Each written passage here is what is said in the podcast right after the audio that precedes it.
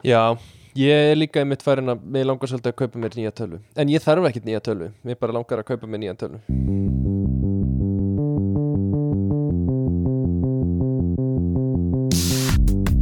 Halló er eitthvað að frétta. Já það er ekkert að frétta. Já það er ekkert að frétta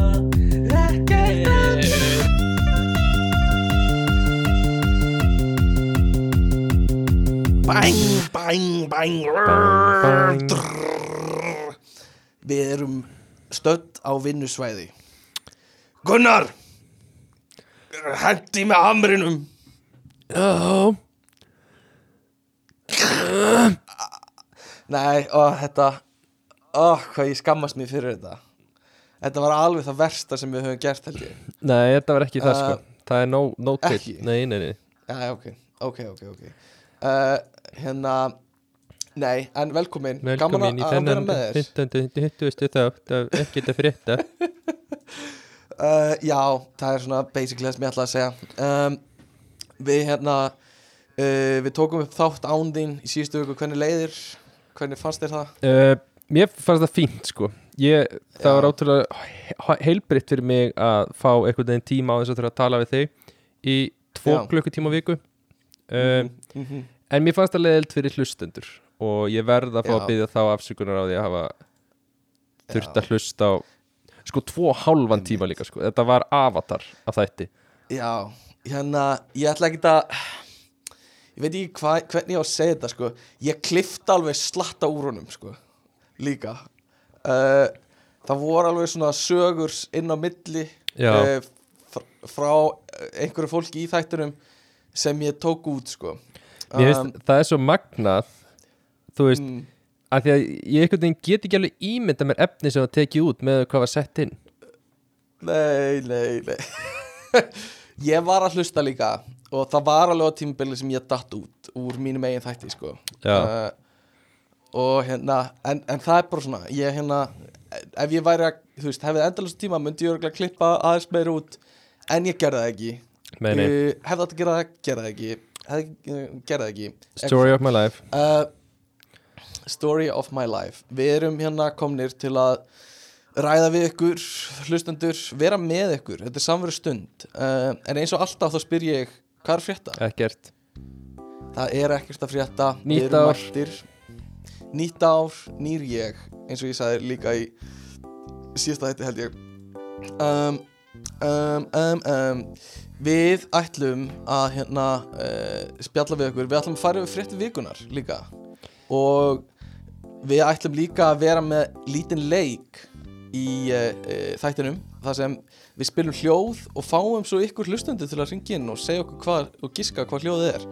Og ef þið vinnið þá vinnið ymmit það sem hljóðið er þannig að hérna takkið bara upp síman þegar þið getið og, og ringið inn og segja okkur hvað hvað hljóðið er. Uh, eigum við að spila þið fyrsta skipti núna og spila þið kannski nokkur sinnum í gegnum þáttinn? Já, þannig að hérna uh, ég ætla að spila hljóðið, það er svona.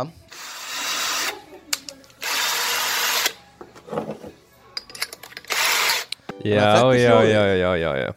og þetta er nú, þetta er svolítið þetta er alveg erfitt sko Ég myndi nú að segja að hérna- þetta er bara spurning um hver er fyrstur og tólið sko, því að þetta þetta veit ég. Ég myndi líka segja það. Ég myndi líka segja það. En við opnum fyrir símanu eftir. En hérna Sko Í fyrsta Hvað ertu búin að vera að gera? Þú hérna Heyrðir ekki í mig í, vik, í, vik, í viku Tvær vikur Þrjár vikur. Það var heldur betur meira sem Ég hafði að segja við þig Sem við vorum að tala um off-air Sem var ógæðislega Fyndið og hilarious Já, En ég er bara Bundið í þagnaskildu sko. já, já. Það er NDA, Og hérna- ég skrifaði undir NDA, NDA. Mhm. Eitthvað sem þú vilt segja okkur samt? Uh, Ég bara skellti mér aftur til Álands Já.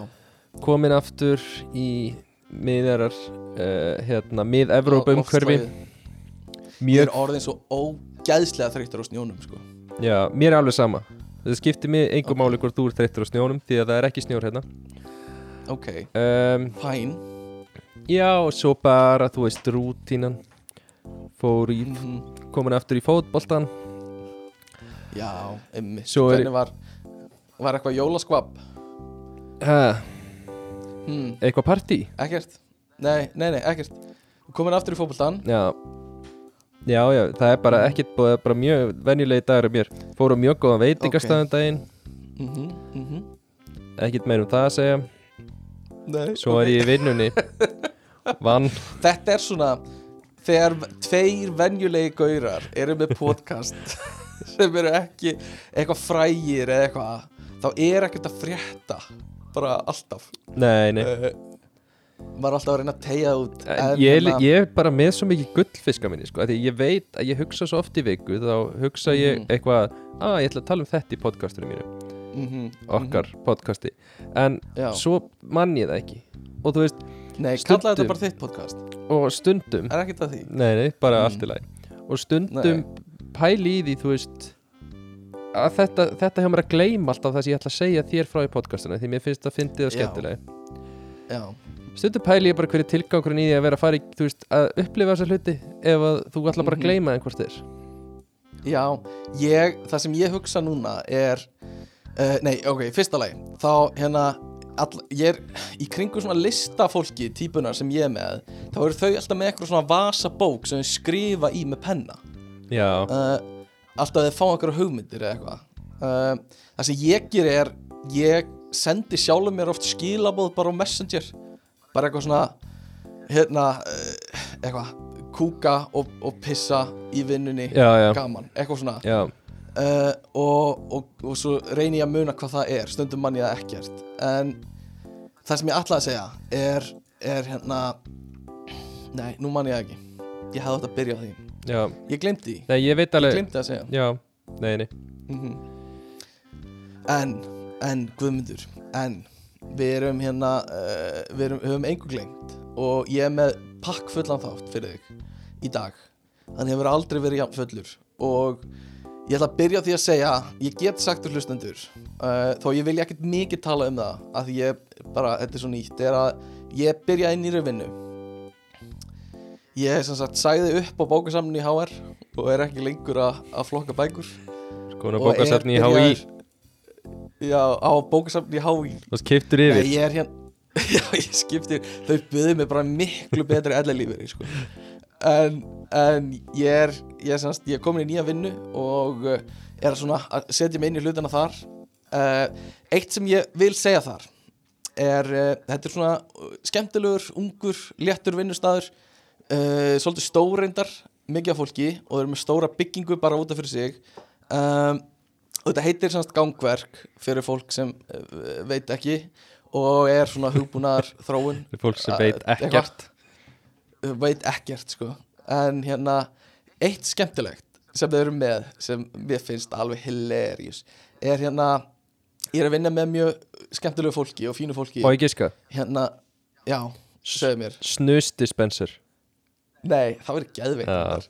ekki, það, ég myndi nokkuð sem að gera það. En hérna uh, þau eru með, sko, fyrsta daginn basically, þá fórum við með mér og löpum húsið og það er svona lítil rækt svona, pín, svona lítil svona eitthvað gym hana og te- teymið mitt sem sagt gagnateymið, datateymið það fer á þriðjadögum alltaf að teku backpressu í hérna í uss. gymunu og uh, þetta er hérna, það er bara svona akkurat veist, hefði ekki getið verið betra sport fyrir mig til þess að sína Býtu, vá En eru þið allir svona, svona sterkir kallar? Svona, veist, all, Michelin kallar. svona, nei, bara flottir strákar sko, þetta eru allt strákar. En hérna, bara flottir hérna, uh, venjulegir strákar sko, ekki, æfa ekki kraftlendingar sko, já, þannig að ég get komið inn með alveg svona með, með trukki sko. Já, já. Já, og byrja á góðri Og, Þetta er svona þú Og þeir sögðu við mig Já, þeir sögðu við mig sko Já, og svo þegar maður nær sko Hérna, hundraði bekk Þá, þá er, þá ertu komin á góðan stað sko. Þá ertu, skilur þá erum við að hérna, Sögðu þeir það við þig, sko. Já, þau, þetta er eitthvað svona milestone sko. Og þeir voru ekki Og- þe þa þa Þeir sá ekkit á þér að þú myndir fara Þú myndir sko kasta þessum 100 kilóum bílótið Ég, ég veit, sko, ég, ég veit það ekki. Ég held, ég held að ég kannski lítið smá frekar út fyrir að vera bara svona Þú veist, feitari heldur en kannski massa, ég veit það ekki. Já, já, en, hér- en uh, allavega þetta, svona, þetta hendaði mér allavega mjög skemmtilega vel og tók, tókum eina back, eitt backpressu session sko. Og, og Og Ég á var bara- svona það er styrta sko. Ég, en ég notaði hana reyndar ekki. Þannig að það var bara Það Johnson út daginn. Já, ég þarf svolítið að ég get ekki gert mikið, ég lab, ef ég lapp upp stiga sko, þá þarf ég að fara í styrtuna sko. Já, já, en, en þetta var mjög, mjög skemmtilegt og, og skemmtilega vinnustæður sko. um, en ég fór líka, ég fór í bíó í vekunni á íslensku myndina Villibráð. Já, já, uh, það, það er góð mynd sko. hún er helviti bara fín og, og hún er alveg svona masterclass í óþægilegum augnablikum ok. Uh, Þetta er þetta grínmynd bara þetta er, þetta er svona, já þetta er grínmynd svona gríndramamynd en aðalega grín og shit hvað voru óþægilega augnablik í henni. Og þau notuðu þagnir rosalega vel. Þannig að þú veist það kemur, e- einhver segir eitthvað og svo bara svona mjög svona vandræðilega þögn eða þögn eftir það. Já, og hérna uh, í einni þögninni þá hérna uh, þá hafði ég hafði semst um daginn verið að hlusta á síðasta þátt á podcastinu. Já. Og af einhverjum ástæðum fer podcasti bara á full blast í símanum mínum í miðri þögninni á þessu og Tommi er að segja eitthvað svona já, svo var ég bara var bara, var tóka mótor sko, var bara hérna að hjálpa til og ég var sérst starfsreyndasti maður og við svo líka elsti, elsti starfsmaður. Þannig ég bara, veist, hvað er í gangi, hver er staðan? Og hann, hann kíkti glimur um alla bíósalin podcasti þar sem við erum Tommi og ég eitthvað svona fömbla síman og er eitthvað svona að reyna að loka á þetta og kveikju skjánum og hann alltaf kemur fullt af ljósi yfir allan Æ, sko. og alveg skelvileg tímasetning í, í myndinni sko, gott. til að lendi í þessu Gott plugg samt Gott plugg já, gott plögg, ég stoppaði og sagði þetta, ég bara hlusta hann upp á hans podcast það er ekki það frétta sagði ég og svo og ég sá alveg að allir voru að fara að hlusta á þetta þegar þeir komu heim sko. Já, já það er alveg bara slam dunk sko. Þetta er uh, Ég var samt að pæla því, Þú sagði þetta að vera í svona Já, þetta var bara góð mynd Bara mjög fín mynd. Mhm, Mér finnst svo langt síðan að það var gefin út íslensk mynd og einhver segi við mig að hún hafi verið léleg. Ég veit allar Já, íslenskar ég- myndir fá bara eitthvað Jú, þetta var bara, bara, þetta var bara mjög fín mynd. Já, já. Nei, ég skil hvað það meinar sko. uh, ég veit ekki hvort að það er alveg íslenska myndir sem fara fram hjá manni sem fara í bíó og eru kannski eru ekki rættar mikið uh, og þetta er svona það sem maður myndir kannski kalla með fullir verðingu svona kvikmyndaskólamyndir uh, en hérna þú veist, þessi var ekki þannig sko. Og hvað er hitt þá? Það er svona vestuportmyndir eins og þessi Já, já, já þannig að við erum með, við erum með kvikmyndaskólamyndir og vestuportmyndir sko. Kvikmyndaskólinn, þú veist, er- er, er það svona pappi minn er ríkur skóli eða? Nei, nei, það eru bara svona myndir sem eru örgulega góða líka. Ég er bara Er það svona- ekki, kannski, Er það svona ég komst ekki inn í all á í skóli? uh, Ég ætla ekki að segja neitt upphátt sko, Já, já. uh, um það. Nei, nei. Um, En ég veit hvað meira, þú þarft ekki að segja meira. Nei, nei, en kvikmyndaskólin uh, hefur líka ekki fengið fær ekki að kalla sig háskóla sko. Þetta er alveg á þeim stað. Já, já, já Og Ég þetta er, akkur ég er að láta þess að þetta sé eitthvað snobb. Ég er alveg, ég eitthvað skoðun á þessu. Uh, En, uh, nei, kvikmyndaskólin er frábær Og er- af frábæra fólki. Er kvikmyndamentun þá ekki bara svona Þetta er örgulega síðasta starfseitið á Íslandi sem er ekki orðið háskólamentun Já, og ég veit ekki eins og hvort þú færð diplómu sko, út úr þessu, ég veit ekki hvort þú færð eitthvað, einhverja viðkenningu þegar þú klárar þetta, ég bara þekki það ekki. Ég veit bara að þetta fekk ekki Já, þú færð USB-leikil og, og hérna, og derhúi sem er fucking cool. Um, en, en uh, góð mynd, ég mæli með þessari mynd sko, hún er algjört masterclass í óþægindum sko, og að líða Já. Alveg bara, alveg bara fáránlega góð sko. Ef hún væri á spænsku heldur eða finnst hún eins góð eða Örglega ekki, bara hreinskili mat. Já, uh, Ef ég, þú veist, að lesa einhver texta og eitthvað. Þetta er mynd sem hefur verið gerð, þú veist, 20 sinnum. Þetta er svona mynd sem, sem eh, er gerð á öllum tungumálum, sko. Þetta er alveg þannig. Já, já. Og Ísland var eitthvað 20. landið eitthvað svona til að gera þessa mynd, skils mér. Uh, en bara mjög, mjög flott sko og vel svona uh, staðfærið yfir á íslensku. En, en hérna já, þannig að ég, ég mæli með henni. Uh, allavega eitthvað eitthva sem þú hefur við þetta að bæta? Uh? Nei, Nei. Um, ef, Allavega Gott að byrja hann að þátt svona á, á frétti vikunar eða? Frétti vikunar, það er nákvæmlega sem ég ætlaði að tala um. Færum okkur yfir það. Hérna, sko eins og vanalega tökum við frétti vikunar, skoðum það. Um, og uh, fyrsta sem ég langaði að ræða er það er einhver hérna að segja að tími bakaríjana er að líðandi lok. Já, ég sem mikill aðdáandi svona hverfis bakaríja finnst þetta alveg skelfilegt. Já, og uh, þú veist þá, að því það er allt fjöldaframleitt í dag.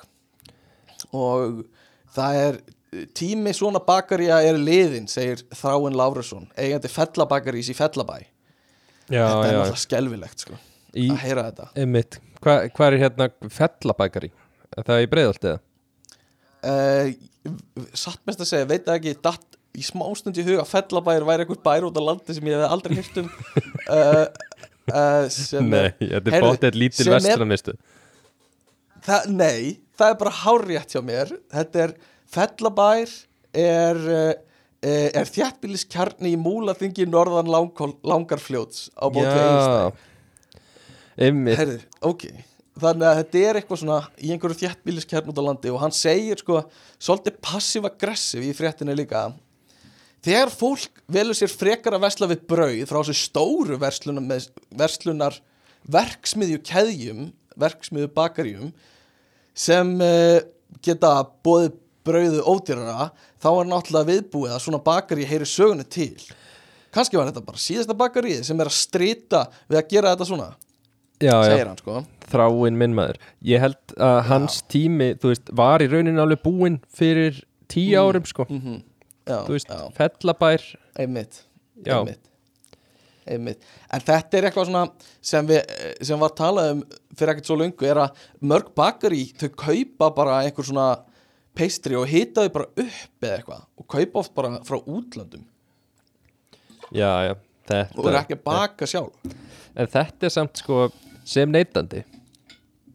Já, þá, þá er, þú veist, ef að þú kæmist að því núna að þetta er það sem brauð Mm. og kók gerði. Já, og allt í hennu finnst þér það þú veist, þú svikin sem er svona oftast Mhm. upplið fólk þetta.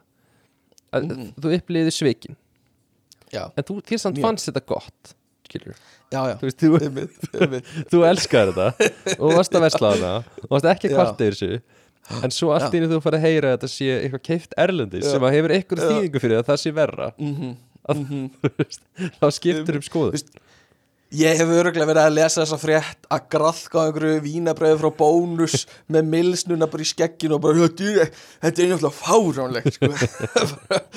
litli, litla fólki fær ekki sjön sko. eitthvað svona og hérna já, þannig að, nei það er alveg rétt sko. maður sem neytandi ætti maður bara að vesla við að maður vill endilega halda þessari starfsemi uppi sko.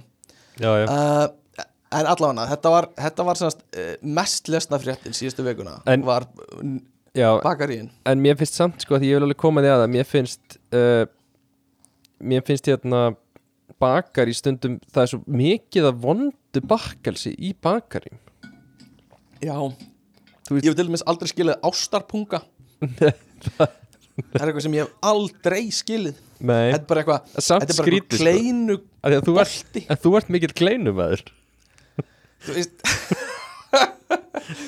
já, já ég veit það, en þetta er bolti sko, akkur á að vera þetta á að vera fucking fletta saman sko, Sko, uh, en, vissur já, að ástapungar hérna út í Hollandi eru bara sko, Mm. bara ris á áramótunum borða allir Mm. ástarpunga hérna úti í alvörunni? sem heita ólíbólan ólíubólur þetta með flórsigri heitt þetta er alveg fáralega gott sko. Já, já. En þegar þú sér þetta í bakaríunum er þetta bara í einhverjum svona klessu með öllum hinum ástarpungunum sko? Já, já. Kannski ekki alveg, já ég veit það ekki. En- en, svo líka hann að eitt sem ég skil ekki í bakaríum er eitthvað svona marsipan svona svín eða froskar. Hefur þú séð? Þetta? já, já. Þetta er eitthvað svona alltaf bak við glerið og ég bara, hver ég, ég hef aldrei sín eitt kaupa þetta. Já, já. en það er alltaf svona 20 svona á hverjum deg Ég hef reynda að kefti þetta sko. Þetta er alveg fucking gott. En þú smakka marsipan þrýðningin sem er þessu pizzasneið með súkulega á hliðanum Já, Það er gott sko. Nei. Já, ég hef aldrei verið mikill marsipan maður Nei, En ég ætla að trampaði með sko uh, svona, svona, hvað heitir þetta? Hérna, makkarónu kök, þú veist, kök Hver kaupir þetta á einhverjum þriðjudegi, skilur Hver kemur inn í bakaríi og bara, já, ég er að fara í vinnuna mína og Já. ég ætla svo sannarlega að vera með sparinest í dag Já. og kaupa mér eitthvað, svo, ég skil það ekki, sko Nei, nei uh, En af því við vorum að tala um kleinur, Já. hvað þær eru ind- yndislegar þá er, þá var einmitt kleini handtekinn af sjörsveitinni á Húsavík, sko. Kleini, Kleini? Sem Hann- fann upp kleinuna? fyrir nei, Kleini maður, veist ég hvað Kleini er? Kristján Einar Sigurbjörnsson fyrirverandi kærasti söngkonunar Svölu og áhrifavaldur var handtekinn í kvöld af sjörsveitamönnum á Húsavík. Býta, akkur, Uh, hvaðan kom ellið? Ég, hann er bara hann er bara hérna smekk maður ja, hann er mikið í kleinum sko. Hann er maðurinn sem, sem sér um allar þessar kleinur. En, en hann hérna það sem er skemmt að þetta við þetta er, er hvað sérsveitin á Húsavík fær loksins að taka til hendinu og hérna búin að vera að býða í mörg ár eftir góðu útkalli og, og fá loksins að, að taka eitt stykki kleina. Og, og hérna ég, ég mynda mér eitthvað bara svona gaur sem er heima í að sjá fjölskyldinu og allt í einu víbrar vinnu símunas og bara ástu mín þetta er bara minn tími núna sko. Og hoppar í galan uh, en uh, þetta var víst bara eitthvað svona rútínu check af því hann er uh, afbrótamaður skilst mér. Rútínu hérna, já, það er bara rútínu check. Sko, sérsveitin á Húsavík lætur ekkert fram hjá sem fara ef hann kleinu mætir þá er sérsveitin mætt sko. En uh, býta, akkur er hann, uh, hvað hva hefur hann gert? hann var eitthvað fík, hann satt náttúrulega inni á Spáni í langu tíma Já, held já fyrir eitthvað fíknefna dót sko. eða langan tíma, hann satt í einhverja mánuði og er nýkomin heim og, og hérna ætlaði að fá sér bara góða ferð til Húsavíkur að skoða Eurovision myndina og eitthvað svona Já, og taka bara rólega en sérsveitin hafði aðra hugmyndir sko.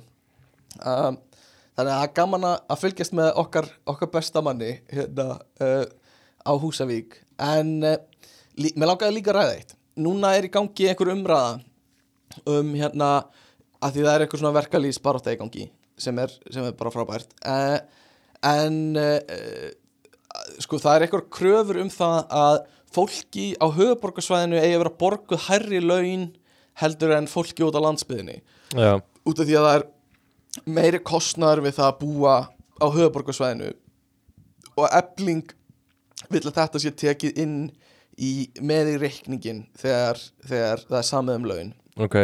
Hvað finnst þér um þetta? að sé veist, staðall og bara mismunandi borgu laun fyrir störf, sömu störfin eftir í hvar þú staðsettur? Uh, Já.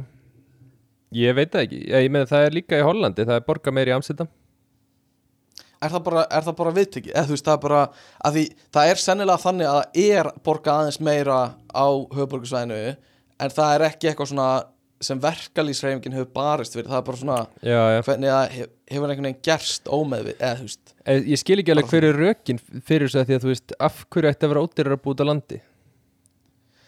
Ég, ég veit það, er náttúrulega ódýrari uh, sko uh, það er ódýrari að kaupa húsnæði. Húsnæðismólur sennilega aðeins ódýrari út á landi. Já, já. Uh, og svo veit ég ekki alveg hvað meira það ætti að vera af því Það eru ekki dýrar að dæmis mínum huga- ramag Já, í mínum huga er margt annað dýrar út á landi eins og þú ert að ferðast til að fara í, í sko, í alls konar þjónustu eins og, eins og heilbriði þjónustu og eitthvað þarf ofta að ferðast langt og Já, það er ekkert allstaðar einhver svona láfuru verslanir og eitthvað svona uh, líka bara er andlega er- dýrt að vera fastur eitthvað krummaskuði Já, einmitt, einmitt. Þú veist, það er ein frétt sem ég reyndar slefti en hún fjallaði um að einhver, e einhver staðar út á landi væri bær sem væri búin að vera einógraður út af veðrinu í tíu daga eða viku eða Nei, ert að meina? Eitthvað Já, hvað? eru tíu mannsextur á landi sem eru búin að vera fastur út á veðri Nei, nei, nei sem völdu sér. sem völdu sér að búa í ykkur snjóhúsi. Já, en það sem þú áttar ekki á er þetta hefur ekki gerst í alveg tvo áratíð sko. Já, ég hef enga uh, Já En þetta er, mér varst að þetta er áhugaverður pól sem eblingar að taka að hérna að uh, berjast fyrir þessu. Að því er virðist vera berjast fyrir þessu. Uh, Svo síðasta sem ég langaði að tala um er forstjóra vís sagt upp. Uh, Helgi Bjarnason fjórstjóri Vátryggningafélags Íslands hefur látið að störfum hjá félaginu. Og svo er alveg heil frétt um það. Uh, svo sem er ekkert merkilegt um það að segja uh, en mér langaði bara, mér finnst svo fyndnar svona fréttir um það að einhverjir eru byrjaðir að vinna hjá einhverju fyrirtæki. Já, já, eins og hérna er frétt sem er, bara Einar og Þorbjörg til liðs við landsbankan já. og þú veist, maður sér þetta reglulega. Bara eitthvað svona Gunnar og Þóra eru byrjað að vinna hjá uh, fyrirtæk hérna hugbúnaðverinu hérna Advanja, svona. Ég, finnst þið leiðild að það ekki verið frétt um þig? Já, akkur verður ekki frétt um mig? Uh, já, Nei, en, en hérna Þetta koma reglu og ég veit ekki Þú veist, þetta er, ef maður skoða viðskipti á MBL þá er bara næstu önnu hver frétt um þetta.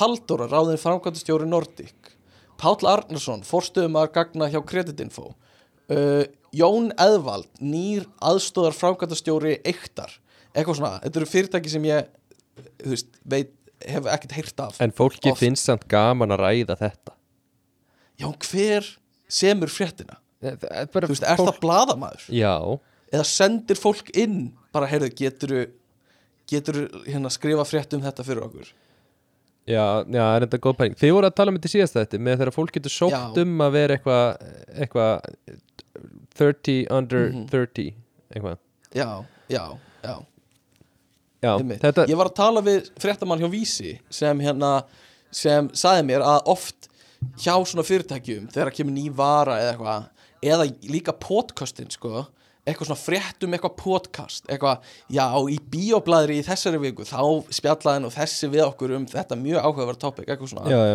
þá er það oft bara fólki hjá podcastunum sem er að senda inn þú veist, hérna eitthvað svona lýsingu á þættunum, bara búið að skrifa það fyrir þau sko, já, það?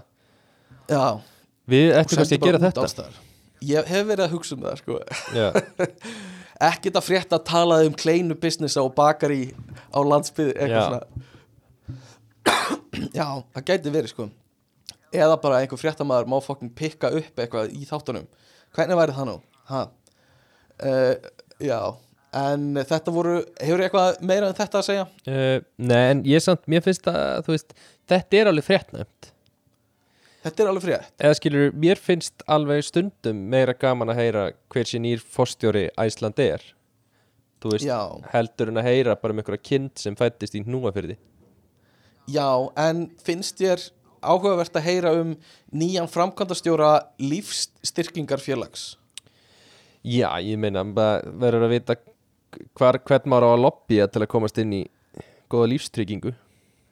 Já, því það er vera víðistóttir sko. Já, vera. Uh, Já, og að því er kemur fram í tilkynningu sko, segir, segir hún.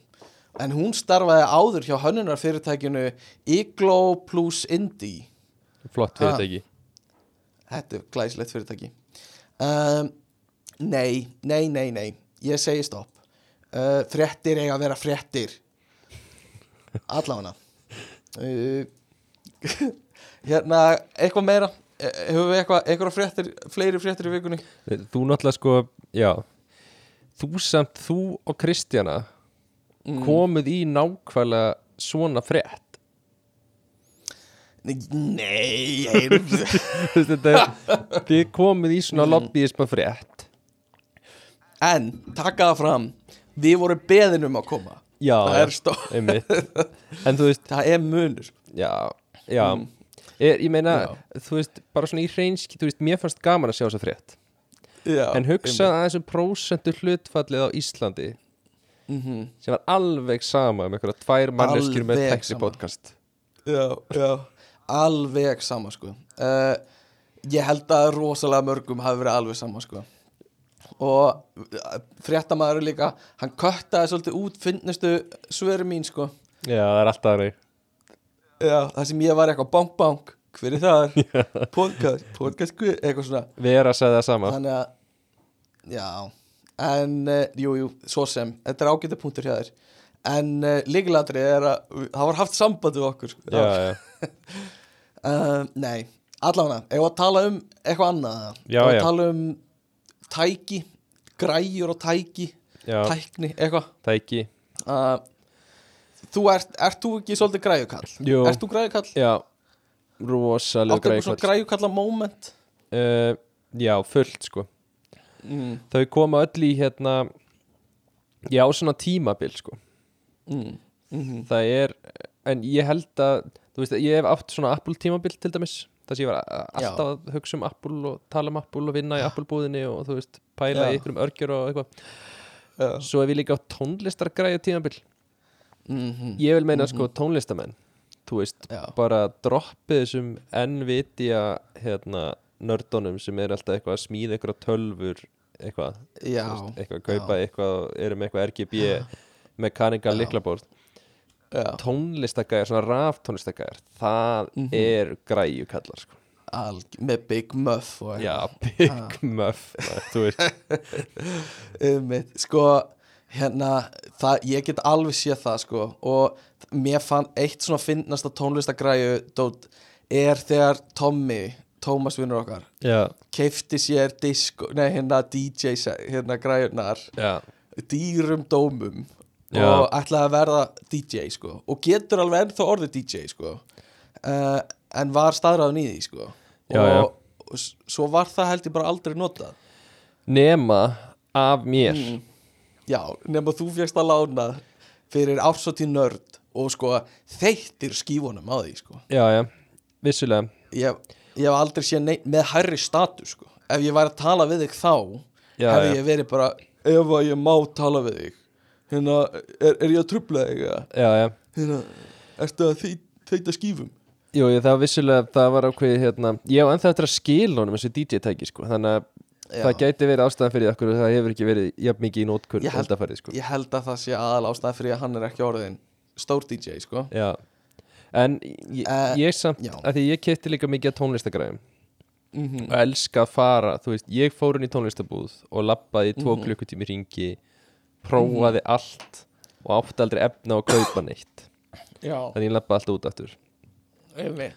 Og sko, svona þú veist, mín upplifun var mm. svona það starfsfólk af öllum búðum Mhm. sem ég fer í sem Já. er með eitthvað svona alminnstu þjónustu löndina Já, eru mjög oft ekki alhæfa en það eru mjög oft starfsmenn í tónlistarbúðum já, ég held að sé að þeir eru tónlistamenn og mm þeir svona þú veist, er að vinna þarna, þetta er nice, þetta er secure, Já. tekjur og svoleiðis, svo er Já. eftir tónlistamæður kvöldin og þú ert of góður fyrir að vera þarna skilur mm -hmm. þú veist það hlýtur að vera reality check að vera bara að spila í hörpu á laugadegi og svo bara Já. mættu kljóðan tíu hjálpa einhverjum krakka að leita einhverju, einhverju Já. hljóðkorti skilur Já, já, einmitt það er, það er alveg svolítið þannig en það er líka eiginlega í engri annari búð sem ég verð minni sem viðskiptavinnur að tala við starfsfólk nei, sko. nei, að þú veist, eitthvað tengt gítar þegar ég er að kaupa mér nýja strengi eða eitthvað já, og þú veist, vil bara ekki að veist, hljóma eins og fáiði sko, já, já, en starfsmann sér strax hvað ég veit ekkert sko. Já. En þú verður svolítið að og passa gríp, já, og gríp svo alltaf nokkra neglur svona að, í check-outinu að til að láta lítið út já, já, eins og ég noti svo mikið að þeim sko. Já, ég þarf alveg fjóra sko, ég fer alveg í gegnum svona mikið að nöglum sko. Þetta er, uh, en er eftir mjög fínt balans sem maður verður að læra í tónlistabúðum að það er sko, mm þú mátt ekki vita of lítið því að þá verður hort svo Mhm. mikið niður til þín að nennir enginn að afgreða þig. Mm en þú mátt ekki lík, vita of mikið þá Mhm. eru þeir eitthvað svona oh, gaur já, og þá segja þér líka ekkert að því, þú veist, eða þú veist ef þú ert að þykjast vita á mikið en þú þart upplýsingarnar skilur já, frá þeim þú mátt ekki feika of mikið sko. já, uh, en já ég, en þú ert nú líka alveg sko, þegar þú ert þegar þú segist vera að fara að vinna í róbotinuðinum það er alveg það er alveg græju moment sko. já, já. En ég er þetta að verða alveg það, þú veist, það er ekki ég hef ekki taugarnar í að vera svona eins og að sjóða saman hluti. Já, veist, og eitthvað tengi eitthvað að víra og eitthvað svona, já, veist, ég þurft að gera mikið af þessu en þetta er ekki alveg mitt það, þú veist, ég Einmitt. hef ekki þólum með þetta sko. þú hikar ekkert við að hafa þetta samt svolítið á display þegar fólk kemur í heimsók Nei, ég þetta alltaf fram. já, já, já, og sjá hvað robotin er hérna upp á hillu og, og Já, já. alltaf vera aðeins að fykta en hérna, já, það er svolítið töff sko. uh, ég er alveg líka græj og kall sko. Er ekki flestir. Mér finnst svo skrítið þegar fólk segir nei eða þú veist, hefur engan áhuga á þessu. Mér finnst það bara, ég skil ekki hvernig það er hægt. Það er ekkert meira töff heldur en töff græjur skilur og ég viðkynna alveg, ég er alveg djúft inn í að fylgjast með eitthvað svona nýjustu vendingum í Apple örgjörfunum og eitthvað, skilur ég alveg fylgjast með öllu sem kemur út sko. Og, og hérna þú veist, allar tölfur og, og hérna og, og símar og eitthvað, ég bara, ég horfa á þetta allt sko, Já. og fylgjast með þessu. Ég er þetta komið leið á símum. Já, ég er alveg sam um síma í dag. Þeir eru orðin veginn það allir er- svo pínir ég veit það. Og það er líka svona, svona beta move að vera mikið inn í símum sko. Já, já, þú veist, það er ekki alveg eins cool að, að vera inn í hinnu sko. uh, en ég, ég, mér finnst þetta er eitthvað svona, mér finnst gaman að setja á YouTube myndband það sem er verið að- fjallum nýjustu tölvuna eða eitthvað svona já, og eitthvað svona review um hana og ég get bara horta á og slaka á og veit að ég mun aldrei kaupa þetta já, já, já. og veit líka að eftir, þú veist, hálft ár er þetta orðið úrelt, skilur við Já, já. þannig að ég er ekki að fá eitthvað svona langvarandi upplýsingar sem skila mér neinu og hérna, ég mun aldrei eignast þetta hvort sem er já, já. en það sóun en oft gaman að setja það kannski í körfuna já, það er oft gaman, bara svona sjá bara hvernig það lítur út í korfinni Já. það passa ekki vel inn og eitthvað ég veit ekki að ég hef oft farið inn á Mac, epli.is eða Macland og sett nokkru hluti í korfina sem ég langar í og, og aldrei tjekka það út sko. Um, og þegar maður býr til svona smíðarstölvuna setur maður alltaf hæstu stillingar og Mac tölvuna kostar bara einu hálfa miljón og já, bara leifa ég aðeins að liggja. Um, en hvað hérna hver er í þínum huga munurinn á græju og bara tæki? Sko, mér finnst vera alveg klára munur mér finnst það nefnilega líka. Fyrir mér er græja svona, veist, þetta er svolítið svona hardcore, svona rough þú veist, þetta er svolítið, það er power. Græja segir mig power. Þú veist, mm. græja borvélar og einhver svona einhver svona, einhver svona æ, svona vél sem brýtur steipu svona hama sem svona, veistu hvað ég tala um? Er það græja Það er græja, huga? ok, já. já, ok. Og en líka eitthvað sem kannski þú veist, þú veist eitthvað geðveitt hátalarkerfi, mér finnst það líka að vera græja þú veist, það er Já, svona ok, þú veist, að, þetta er svona, það er svolítið að vera það þarf að vera hávað í þessu þetta þarf að vera svolítið svona harkalegt og þetta þarf að vera svolítið Já. öflugt. Já, og þú veist, já, ég skil hvert þú ert að fara með þetta og þetta er alveg mjög valid. Sko í mínum huga er græja líka ofta eitthvað sem er þú veist uh, kannski eitthvað tæki sem er líka annað tæki. Eins og þú veist, þú ert með hérna, þú ert með kannski dróna sem er líka flösku upptakari eða eitthvað svona, þú veist já, já, já. það er, það er svona það er eitthvað svona já, það getur ekki bara gert þetta það er líka þetta innbyggt í svona. og þetta er svona Og- í græju samfélaginu þú veist, ef þú ætlar að hrósa einhverju sem að vinuðin á, einhverju nýju þá segiru, þetta er engin smá græja. Já, eða þú segir líka, þetta er alvöru græja. Þetta er alvöru og, það eru til fake græjur en þetta er alvöru græja sko. en ef ég myndi segja þig Mm. þetta er alvöru tæki þú myndi vera móðgæður já, það er ekki það sama sko. Það, er, það er ekki það sama sko.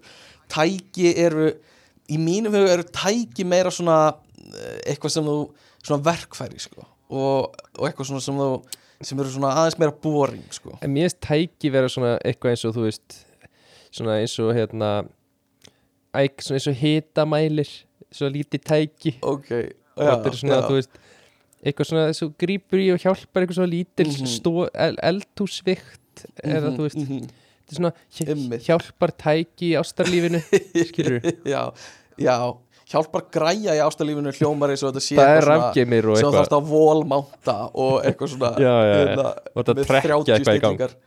já, sko ég held að í mínum huga svona kristallist þetta í að þú ert með eins og tvo, tvær borvilar ein er frá IKEA og rosa minimalísk sem þú þarfst að í vegg. Svo getur svona hitt- hausin á. Já, og hitt sem er græja er eitthvað svona D-volt með, með þremur mismunandi batteríum og er með 40 eitthvað svona töff stillingum en getur líka verið notað sem hamar. Já, já, það er alveg græja sko. Já, ég við erum alveg sammála þarna. Já, en, en sko það er stí, smekkurinn manns hefur kannski breyst svolítið. Þegar þú varst lítill hver var svona hver var svona besta græjan sem þú áttir eða vildir eiga? Hvað fannst þér svona hvað var svona töff? Um, sko ég mér langaði alltaf ótrúlega mikið í allt sem var svona eins og litlar svona gröfur. Já. Eða svona bílar þú veist þú gast setið inn í keirt já, fuck já. Shit. Já, það er eitthvað sem Ó. ég finnst og ennþá ég eiginlega, ég finn það núna því að núna eiga sískinni mín börn. Mhm, mhm. Og núna eru fóreldra mínir sem sagt, heyrðu, vá, hvað við fyndin hérna hnerrasvip. Það er svona herptist inn í sjálfa þig. Já, já mhm. en allavega, alveg bara, sá þetta enginn. En nei, nei, nei. uh, Ég er samt með, já, þetta myndbandi Ég geti kannski tekið screenshot af mér Já, sett það á miðju Instagram. þeirri. Þannig að fólk Ok. skilji alveg þetta er svipriði Ok, en hérna sko, já, núna því að börn og núna eru mamma og pappi sérstaklega alltaf að Mhm. kaupa bara ógeðslega mikið af svona græjum alltaf bara Já, eitthvað ramaksbíl og eitthvað grafa og eitthvað. Og ég Já. finn það ennþá í dag að þetta særi mig smá. Já, ég fekk þetta ekki. Ekki sem bara nei Nei, en þau eru orðin af og amma allt í hennu. Þá eru þau farin að gefa þetta. Það er bara, Þetta er ekki sangjant sko. Og, og hérna og ég held Ég held ég hafi heyrti tala um gröfunar áður sko. Mér finnst það fucking finn, skemmtilegt. Já, Og það var ekkert skemmtilega heldur en að fara í hústýragarðin Og grafa í, nota gröfuna í sandin Beint fyrir fram að já. Algjör, algjör snill vissur að þær eru ennþá Uh, Er það, er það það, já, það er ennþá bara krakkar elskar þessar gröfur sko. Að sjálfsögðu. Þetta er bara frábært sko. Og en við mættum sennilega ekki ætli við myndum ekki begla þegar við settist á þér í dag? Já, sennilega, það er eitthvað limit. Það er eitthvað það, Þetta er bara my life sko. Uh, Má ekki neitt. Ég held samt, ég myndi alveg Uh, hafa þú veist, ég hefði alveg svipað gaman að því að fá bara nokkra mínútur í að toga í Já. þess að tvo pinna þarna og stýra já. sko. Það er geðvilt sko. Uh, Þannig að, já mér, ég, er, ég skil nákvæmlega hvort tala með sko bílana uh, sko komandi úr garðabænum þá voru náttúrulega einhverjir einhverjir krakkar í hverfinu sem áttu svona bíla. Já, já, alveg bara hrikalegt að megi ekki eiga þetta líka sko. Um, en, en mér fannst líka fjarstir í bílar það var einhver algjör snilt fyrir mér. Að keira það sko. Uh, og og líka manstu eftir njósnagræjunum njósnagræjunum oh, það var snilt sko. Það var magnað sko. gast keifti einhver svona, einhver svona sem átt að geta hleraði gegnum veggi eitthvað. og hérna þetta var enda víst bara, s- þetta var bara sölubrella. Já, bara, það skiptir ekki máli. Þetta var svona cool í pakkanum sko. já, já, maður bara svolítið Og- svikin svikin neytandi Já, maður, algjörlega Og einhverjar fjárst, nei, hérna talstöðvar og eitthvað. Það var mjög töft út, sko. Og ég var líka alltaf mjög hrifin af Róbótunum sem voru í hagkaup. Og ég veit ekkert hvort einhver tengi við þetta. Og ég held ég talaði um þetta einu svona áður í, í þætti En þú veist, það voru svona róbótar sem voru, þú veist, svona í læ, me, svona eins og menn sem gæst stýrt með fjastringu og getur gert eitthvað svona labbað um eða eitthvað já, og mér fannst þetta svo fucking töff að geta, að geta verið með fjastring og stýrt einhverju róbót og láta hann labba og svo kom ný útgáfa af þessu sem var með myndavél í brjóstinu hann hefði getað tekið myndir. Já, já. Og og það átt, það fekk einn gaur svona sem var með í skóla þetta í ammæliskjó og ég var svo fucking öfundsjúkur. Mér langaði svo í þetta sko. Uh, en þetta er örgulega bara mesta drasl En til. það? Nei, mátti það ekki. Það var einn af þeim krökkum sko mátti aldrei leika með dótið hann sko. Ég var svolítið þannig krakki. Nei, í alvöru? Uh, Já, svona ég, Já, svona ég átti að vara smáleðilur held ég. Oh, Ég hef heyrt það svona setni tíma að ég, til dæmis Seinni- svona já. þegar við vorum að spila tölvuleiki þá átti ég það til að spila vist svolítið bara aðrir horfða á mig spila tölvuleiki. Ég átti einn þannig minn ég man vel eftir því sko. Já. Maður lifir og Ah. Ég væri ekki eins í dag. Já. nei, nei núna, núna ertu alltaf að rétta með FIFA fjastininguna, er það ekki? Jú, Ha, í Ultimate Team. Já, já. Endilega spilaði leik hérna fyrir, fyrir mig í Ultimate Team. Um, en uh, svo síðasta sem ég fannst geggjað og finnst eiginlega ennþá er allt svona myndavélastöf. Ég hafði mikinn áhuga á því. Já, þú veist, bara Og- svona kanonmyndavölum eða? Já og, og sérstaklega videokamerum sko. Og ég, ég, ég var alltaf lengi að skoða það þegar maður fór í einhverja þannig búðir elko eða eitthvað. Og það eru til og ég, ég veit ekki hvað það er en við tryggvi bróðum minn gerðum mikið af svona já, stuttmynd, heima stuttmyndum sko. Já, ég gerði líka með systeminni alveg bara og alveg, já, við gerðum þætti sko og alveg bara með löngum handritum sko, gerðum kvikmynd í fullri lengd líka og eitthvað. Vá, algjör snild sko. Nettið einhvern veginn að horfa á hana? Já, mömmu og pappa Í fullri lengt já. Þa, það var fucking snild sko. Og ég, mér er alltaf fundist þetta mjög heillandi, svona myndavælega græjur þrýfætur og hérna myndavælega sjálfar og eitthvað svona. Ertu ennþá eitthvað að dútlið þessu? þú veist, þetta er allt komið í símana núna Já, já. basically, skilur við og, og hérna mér, mér finnst ennþá gaman að skoða svona myndavælega, ég er ógeðslega gaman að því sko. Núna meira farin, er ég farin að skipta yfir í hljóðgræjunar sérstaklega eftir að podcastið kom út. Já, já, veist, og maður fattar hvað hljóðið er mikilvægt í líka kvikmyndatöku sko. þú veist, þú nennir að horfa á kannski mynd sem er í lélögum gæðum, þú veist 720 púnta gæðum eða eitthvað ekki full HD, en þú myndir aldrei nenn að horfa mynd sem er lélög hljóð. Það er bara þannig. Já, það? Það- En ég meina allar er bara- gamlar, þú veist, Sódóma Reykjavík og eitthvað, er alveg frekar léli ljóði í þessu. Já, en þú veist ekkert, þú veist, eða það er vindhljóð eða eitthvað, eða díalókurinn er eitthvað þú veist, er eitthvað shiftaður off eða eitthvað, skilur það er, Já, er ekki syngað upp mynd og hljóð og eitthvað svona, bara um leið og hljóði fyrir fólk, þá fer sko upplöfunin af myndinni mjög hratt niður við, Já, þannig að hljóðgræðin og skipta í rauninni meira máli heldur en myndgæðin að mörguleiti sko. Pældi hvað maður sætti sig við mikið af bara buffering og alls konar svona. Í gamla dag, Manst eftir að horfa á YouTube myndbönd? Og í fyrsta Já. þau voru buffering heilengi og svo stundum Já. horfður þau bara það sem hljóði var eftir á og myndbandi högti algjörlega. Ég man eftir að hafa hort á sko megavídeó ég veit ekki hvort þú horfður á megavídeó en það var svona það var svona aðal internet streamingið í gamla daga af uh, svona þáttum og myndum aðalega þáttum. Já, veist, já, það sem fannst þá var þetta hósta á megavídeó sem var örgulega með server í Rússlandi eða eitthvað. En já, þannig að og það var oft lag, laggaði með massa mikið en maður var að horfa Þetta var svona svo popcorn time. Já, nema bara já, nema bara skala fyrir neðan sko. Og þú veist, horfa á einhverja friends þætti bara, uh, bara kannski horta á 5 sekundur í einu og þú veist, býði 10 sekundur um, Ef þú þurftir alltaf að en- downloada, þú veist, yfir nóttina. Mhm, mhm. Algjörlega. Uh, það, já, það var og já, LimeWire og eitthvað svona. Ég, ég var reyndar aðeins á eftir LimeWire. Ég komst aldrei inn í LimeWire. Ég fór í það sko. Ég var ekki, er það? Og raðöll í möppur til að geta syngað iPodin og eitthvað þú Þetta var já. downloada album artinu þannig að það væri artið á albuminu þínu. Ymmit, ymmit Pældi hvað Spotify hefur gert mikið fyrir þetta sko. Um, en, en hérna Ég var að hugsa, ég var að spila einu svona enn hljóðið? Þannig að hlustendur fái að heyra það. Og, og hérna Og munið bara, þegar svo er hægt að ringja inn Þegar við opnum fyrir síman Þannig að hérna kemur hljóðið einu svona enn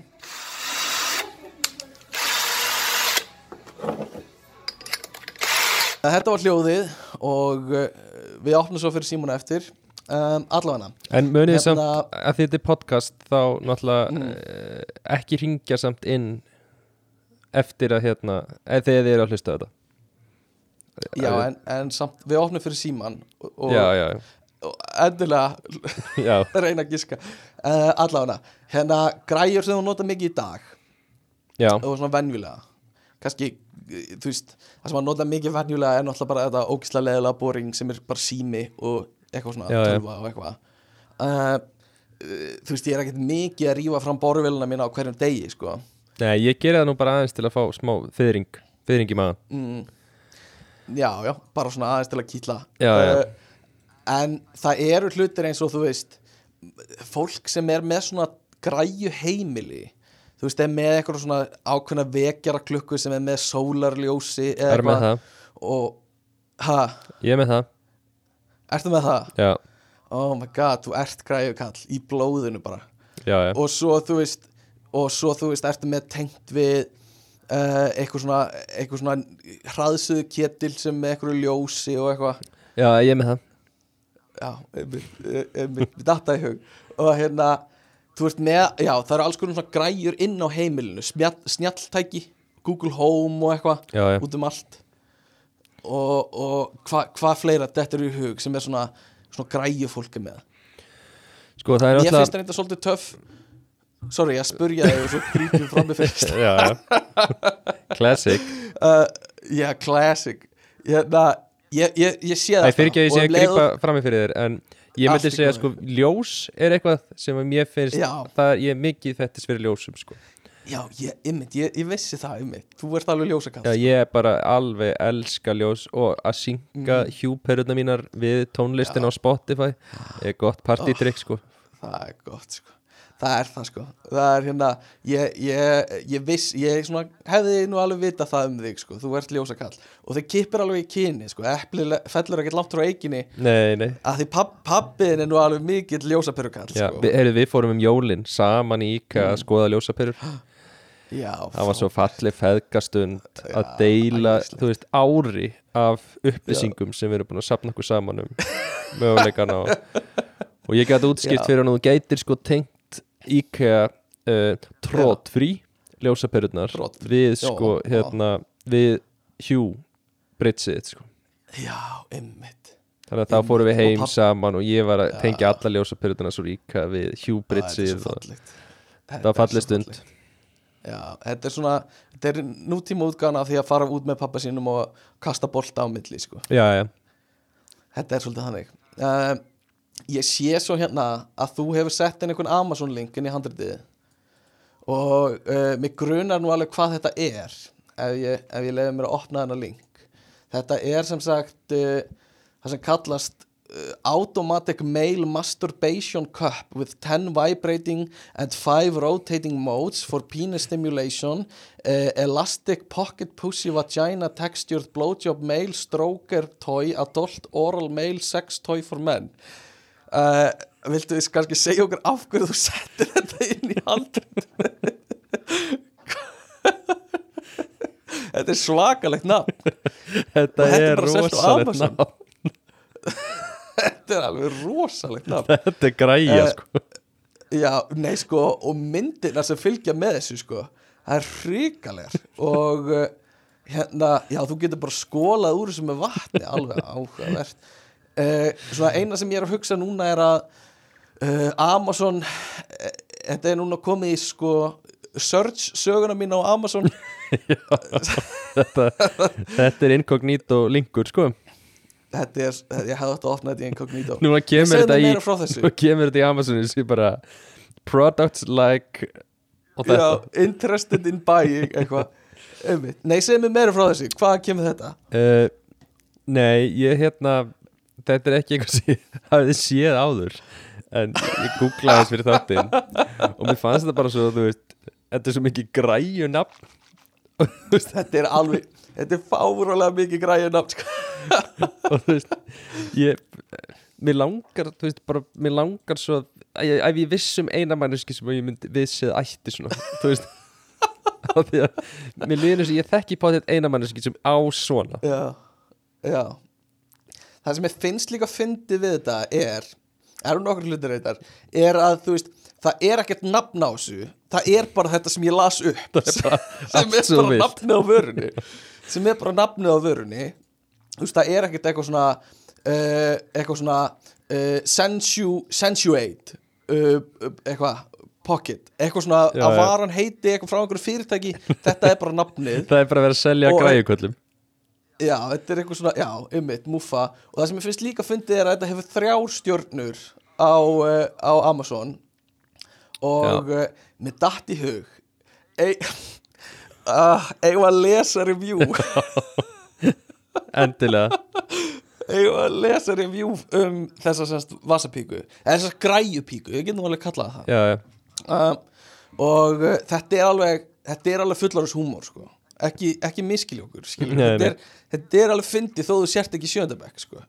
uh, allavega hérna segir Albert og fyrirsögnuna segir ok, punktur og hann gefur þessu þrjárstjörnur Ok. og hann segir, hann segir einfallega good operation but not deep enough ah, sem er bara gott að vita Já, skilurðu, já, já. ef þú ert að kaupa þetta uh, og, og hérna segir Jay þetta er þetta hilarious. Að gefur þessu tvær stjörnur. Og Jay segir I have, I have bought four of these uh, but one já, uh, uh, já but one works uh, and it only works for one time for each charge uh, and the next day it doesn't work. Lights stay on after removing charging cable and it stops working all four have done this. Þannig að gæinn hefur sko, hann ætlar ekki að gefast upp. Hann kaupir bara þá getur þetta virkar Já, hann, hann er hérna Þeir eru báðir með svona smá svona Subtle flex þarna. Já, Það er eitt sem já. betur of lítið fyrir hann. Hann er svo Einmitt, stór og, og hinn Já. endist of lengi Þannig að það er alveg, hann fyrir gegnum heila batteri hlæslu sko. já, einmitt.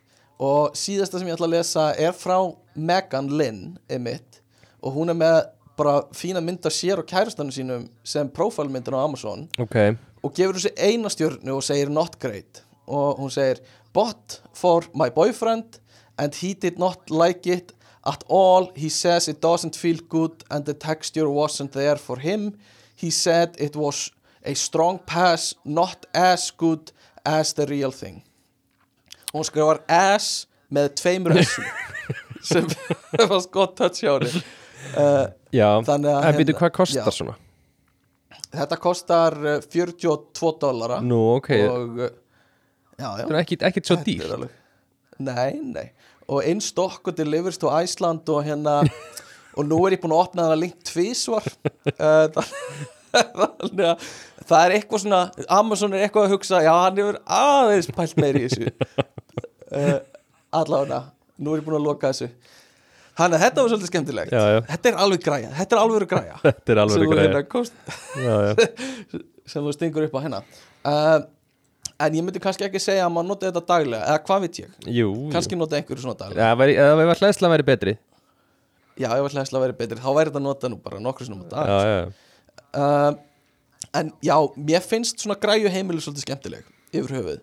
Að hérna, fólk sem er búið að svona nota tæknina til að besta sitt eigi líf svolítið vel um, og þetta er svona sama fólkið og er, er uh, mjög skipulagt í tölvunni sinni og notar Excel fyrir allt og hérna uh, vill hafa bara allt eins svona skilvirt og hægt er. Ég er samt Og- alveg þarna tvípóla sko. Ok, Ég er algjörlega vil hafa allt svona græju tengt heimi á mér. Já, Ég þól ekki snúrur. En samt vil ég að ég geti sett síman minn eiginlega bara lagt hann frá mér hvar sem er og hann hlaðist. Mhm, mhm. En ég, í tölvunum minni þá nenni ég ekki Þú veist, þá nenni ég ekki vera Nei. eitthvað í Excel sko. Nei, okkur var nú lofað fyrir nokkrum árum að það væri ekkert langt í sko wireless uh, remote charging.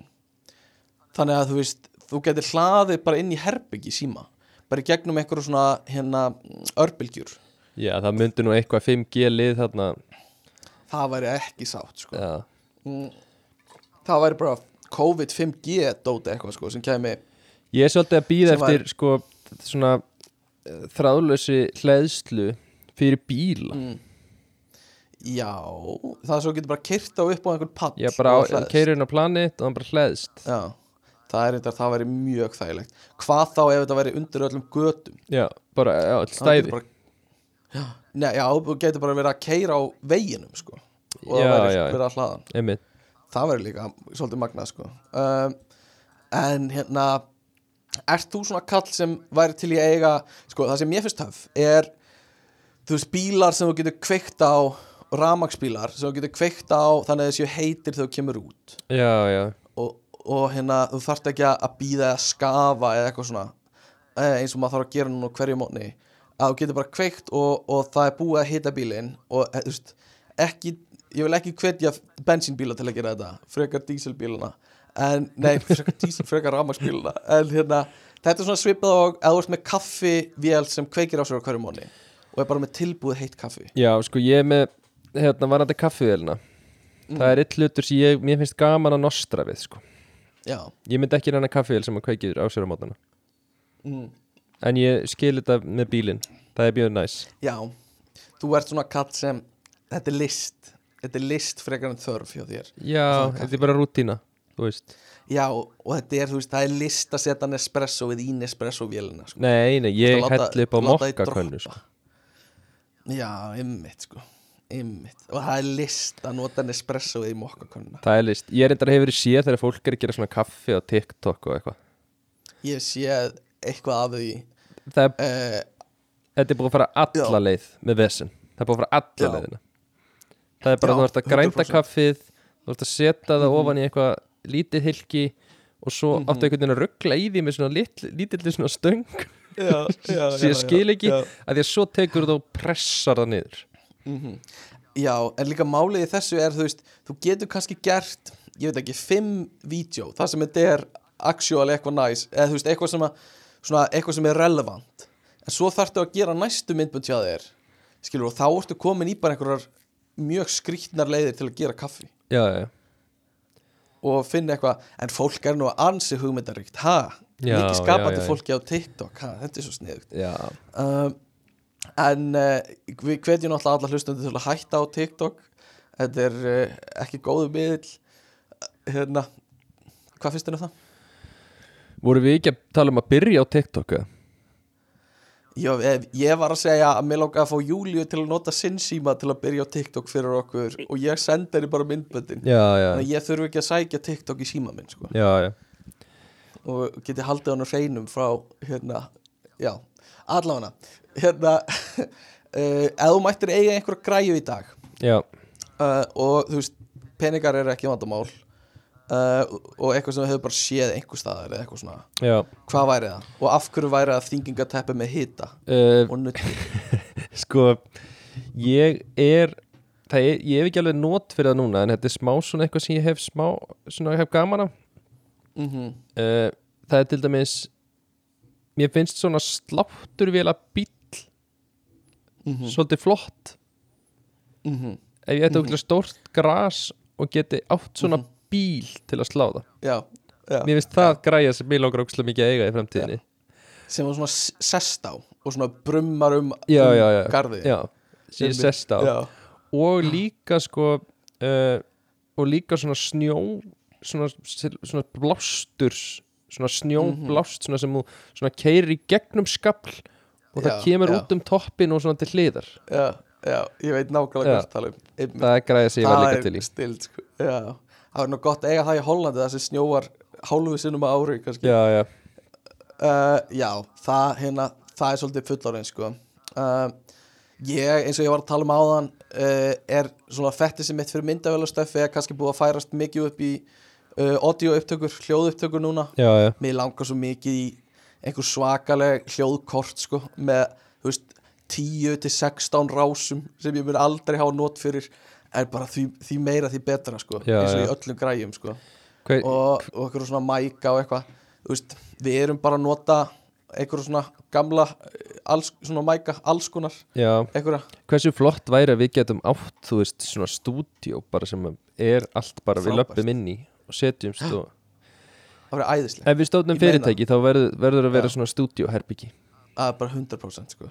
Algjörlega, ég hérna uh, já, við, við hérna í vinnunni þá var eitthvað svona fund, fundur um nýju vinninni, bara í dag. Uh, uh, um svona hvernig er hægt að promóta fyrirtæki og eitthvað svona.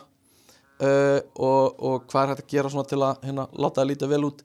Og ég, þú veist, þegar þú ert orðin þessi típa sem ég er það, þú veist, það er leiðilegt að vera gaurinn, en ég stakk upp og svona, hvað með að gera eitthvað svona podcast vibe, upp hljóðupptökur eitthvað svona, og mér líður eins og ég sé gaurinn sem er sko, getur ekki hægt að tala um podcast.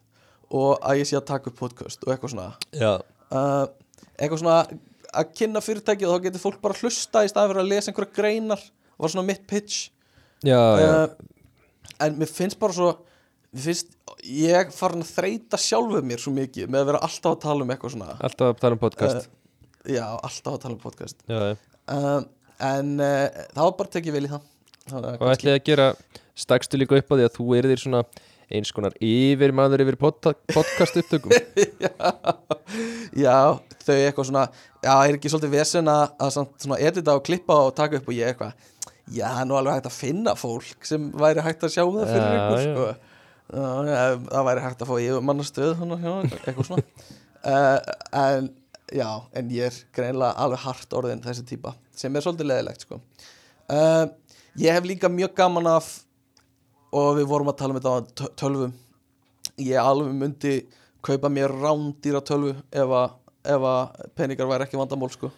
Já, ég er líka einmitt farin að Mér langar svolítið að kaupa mér nýja tölvu En ég þarf ekkert nýja tölvu Mhm. Mér bara langar að kaupa mér Nei. nýja tölvu já, ég er algjörlega ég skil nákvæmlega hvað meina sko.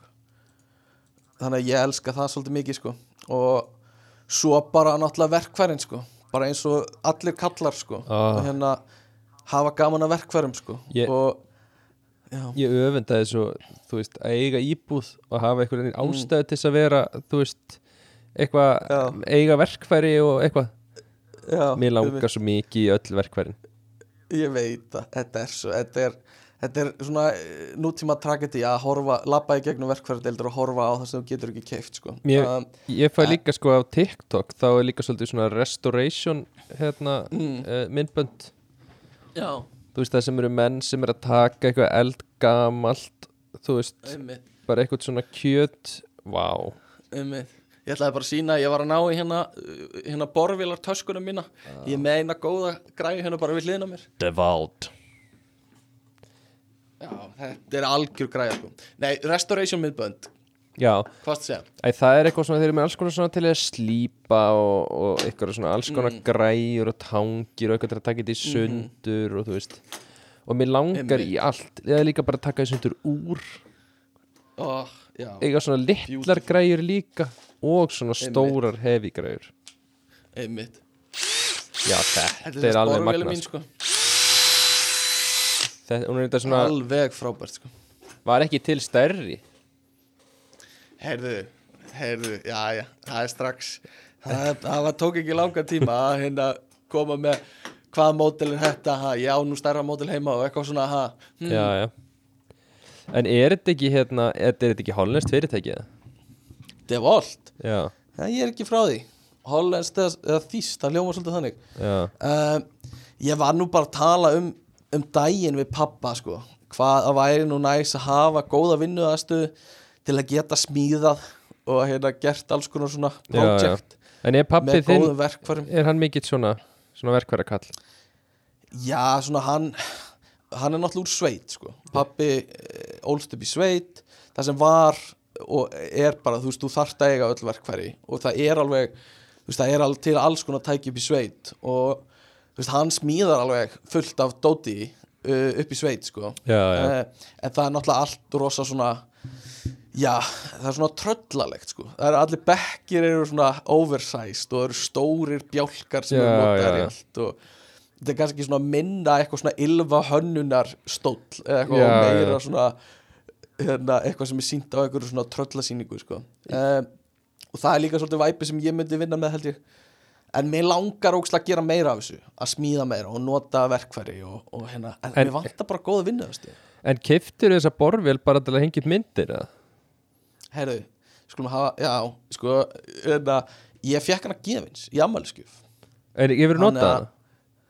ég hef uh, já, ég hef svona tekið í gikkin og, og svona heyrt vissljóð en hef ekki mikið notað hana hinga til sko, en hlakka bara gífulega til að fá að nota hana sko uh, hlakka bara, en- þú spenntur fyrir að þú veist að losna einhver hurðarhút eða eitthvað já, já, já, já, og fá svona zzz, aðeins en, en hérna ég var að segja við pappa að af hverju er ekki uh, að því það vantar örgulega marga vinnuðastu og það er vinnuðasta í hverju einasta hverfi á landinu sem stendur auð eftir klukka 5 á daginn sem eru uh, list- og verkrænastofunar í öllum hverjum skólu landsins Já, já, já. og hérna það væri hægt að halda bara svona opin bara opin tími einhvern tímann í viku já, fjóra dagar vikunar þar sem fólk geti komið og eldað í heimilisfræðistofinni og lært að elda og gert eitthvað í textílstofinni þú veist, gert við hluti og föti sín og saumað eitthvað.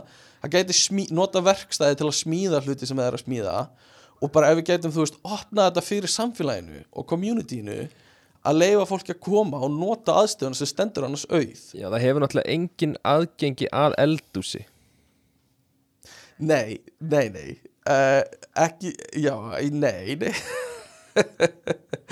En þú veist, samt Ef það er einhver svona opnir tímar með alvöru kokki eða þú veist, eitthvað sem getur leiðbyndir að læra eitthvað svona Já, já, að hérna nýta þetta. Og þú veist, þetta er bara útfærslatri hvernig, þú veist, ég veit kennarar vilja ekkert að ókunnugt fólk sé að vaða inn í stofuna þeirra og ruglíöllu, en þú veist, það er bara útfærslatri hvernig er hægt að leysa það en, en mér er bara leiðilegt að, að því það eru svona aðstöðu fyrir alls konar já, já. út um allan bæ. Ég er enda, bara, já. Ég er líka reyndar að við tölum eldústæki sko, ég er alveg græju kall þar líka sko. Já, Ég kaupi allt saman, töfrasprota og airfryer og loksuðutæki og þú veist. Já, hnífar, ymmit góða pönnur Einmitt. þetta er allt. Einmitt. Einmitt, ég hérna, já mér finnst það ógeðslega næst líka að eiga, líka þetta, eða momentið sko þegar þið vantar eitthvað en þú áttar á því að þú átt lausnina skilur við, Já, já, já, eitthvað svona við getum ekki eldaðan rétt, við eigum ekki vókpönnu en jú, við eigum vókpönnu Já. upp í skáp, við getum redda þessu eða mortel það er svona, eða mortel, já, einmitt Það er töff. sko, ég man eftir gömul kærasta uh, átti ammæli einhvern tímann og hérna og foreldrar hennar gáf henni uh, epla nei. Þau gáf henni alveg æðislegt tæki sem er svona epla skrælari sem þú setur inn í svona eitthvað svona hjól og svo getur þú snúið svona, vift, svona vindu og þá snýst eplið og það er allt skrælað fyrir já, já, þetta er alveg briljant tæki sko. Er, og mér, ég var nýbúin að horfa á eitthvað bara fyrir tilviljun myndband um þetta það sem var að vera að kynna þetta og fara yfir svona frábært tæki og þetta var efst á listanum. Þannig að ég var bara, þetta er snild en, en hún, henni fannst þetta ekki góð gjöf frá fóröldur sínum. Og það var ekkert að hjálpa hvað ég var spenntur fyrir þessu. Nei, ég trúi því alveg. að ég var bara, þetta er, þetta er fárálega kúl græja. Og Já. hún var bara eplas, eplaskrælari er ekki eitthvað sem maður vilt fá í gjöf frá fóröldrinu En hvað, ok, fyrstulega, hver, hver er að skræla epli? svona eftir að hyggja þá er það mjög góð spurninga því ég gera það ekki lengur sko. ég gerði það þegar ég var yngri En, og, ég gera það ekki lengur og er eitthvað annað sem þú ert að fara að skræla í þessu? nei, þetta er sérstaklega fyrir epli held ég en þetta er briljant tæki sko. þetta er, þetta ándjós þetta að, þetta er ekki ramakstæki þetta er, þetta, ég, ég er ennþá bara mér langar í svona, mér finnst það algjör snil Í alvöru? Já, mér það, mér finnst þetta fárálega töff og ég mæli með á hlustendur bara að googla og reyna að finna þetta að þetta er, þetta er fucking genius tæki sko. Uh, Já, Já, uh, þannig að, jó, ekkert meira um það að segja. Ég ætla, ég ætla að googla og reyna að finna þetta sjálfur. Uh, En hvað segir við? Já, ég setja á Insta. Setja þess að græja á Insta, Instagram. Já, næsta er sko þróun uh, þróun tækni og tækja síðustu hundra árin. Já, sko ég hérna las þetta. Mm Þetta hérna uh, Þetta er alveg ofbáðslega leiðilegu liður að ætla að fara í núna í þessum að það eru búin að skrifa inn í handritið. Þróun, Já. þú veist þetta er ekki ráseitt sko. Já, sko Sko Ég myndi sko, hætta hlusta núna ef við myndum byrja bara Nei. núna ætlum við að fara yfir þróun tækni síðustu hundrað árin. Ok, ok, ok, minn kæri vinnur uh, um, á rætt Þetta er rétt hjá bræðrunum. Þetta er rétt sjáður og ég hérna uh, í svona kannski aðeins eldri þáttum hjá okkur þá fannst mér stundum oft já, stundum gaman að hérna taka svona fyrirlestra um einhver efni. Og það sem ég verið búin að dífa mér út í eitthvað svona. En, en hérna svona í seinni tíð hef ég svona pivota frá því Já, og já. meira yfir í svona persónulegar skoðanir og sögur og eitthvað svona. Já, uh, að því ég held að sé skemmtilega að hlusta það. Þannig að fippaðist aðeins minnkað- Já, uh, en uh, mér finnst þetta samt, þú veist ef við pælum bara í þróun Þú tæk- ætlar að, tækni þú ætlar, síst- þú ætlar að fara á okkar Nennir frekar, getur frekar hérna sagt frá Elon Musk og Twitter aftur Já, ok, 4. apríl á, á síðast ári þá hérna, uh, nei en bara segja, finnst þér ekki magnað tökum bara eitt, Ok. finnst þér ekki magnað og þetta er alveg gömul starrinn sem er oft sagt en þú veist að flugið flugvélinn var fundin upp uh, þú veist, í byrjun 20. aldar og svo bara 60 árum síðar stendur manneski á tunglinu Já, skilur þú? Hvað er stuttu tími? jú, jú, þetta er samt alveg frekar langu tími Nei, fokka þér, þetta er ógeðsla stuttu tími þetta er, þetta er, ó, þetta er minn en mannsæfi, skilur? Myndur ekki segja stökki tæknilega séð frá 1960 þannig til í dag sé meira? Jú, það er líka, þú veist, það er annar partur af þessu, hvað er að gerast rætt, skilur við þú veist, nei það er, hei, hei, þú veist veist, þvottavél og uppþvottavélar voru ekki til þegar fyrsta flugvél á fundinu upp, þú veist, það er 1930 uppfinningar, sko, cirka 1912 til 1930 þá, þá, var, þá vorum við að finna það upp skilur við, og undan því, þá var allt þvegi bara í höndunum, Já, já, ég þvæ ennþá í og höndunum já, ymmit, gamli kall ha, pældu í hvað tækni framfæðar hafa verið miklar á síðust árum og hvað við erum ekki tilbúin undir þessa mannkinn Nei, nei. það er ekkert, hefur ekkert verið partur á þróunarsögunni nei, tæknin. nei, einmitt. Og við erum alltaf bara sömu manneskjur og frá því fyrir tíðust fyrir Krist og núna sem er að nota TikTok Já, þetta eru mann, þetta eru sömu típur á mannesku Já, já, en við erum alltaf með alltaf tækni. Nei, nei, Guðmundur. Einmitt. Og allavega, mér langaði bara að tala um þetta hvað þetta er búið að vera að gerast Tæki alveg og tækni. Tækni, veistu, hún, henni alveg flýgur áfram sko. Það er alveg, þú ert Já. alveg fyrsti maðurinn til að taka þessa pælingu ég veit það, ég veit það. Og mér finnst magna hvað enginn hefur talað um þetta aldrei. Uh, en en uh, við, í þessu þætti þá ákvæði ég líka að sleppa bara mörgum hlutum sem við höfum annarkvort talað um áður eða passa ekki alveg inn. Þú veist, einhver tíman Guðmundur Guðmundur, Já, Guðmundur, einhver tíman Guðmundur þá tökum við þátt bara við tveir um, um, um gerfigreind já, hvað finnst þér um það? já. Ég, Það er bara verið heiður að fá að taka Já. gerfigrind þátt Já. með þér.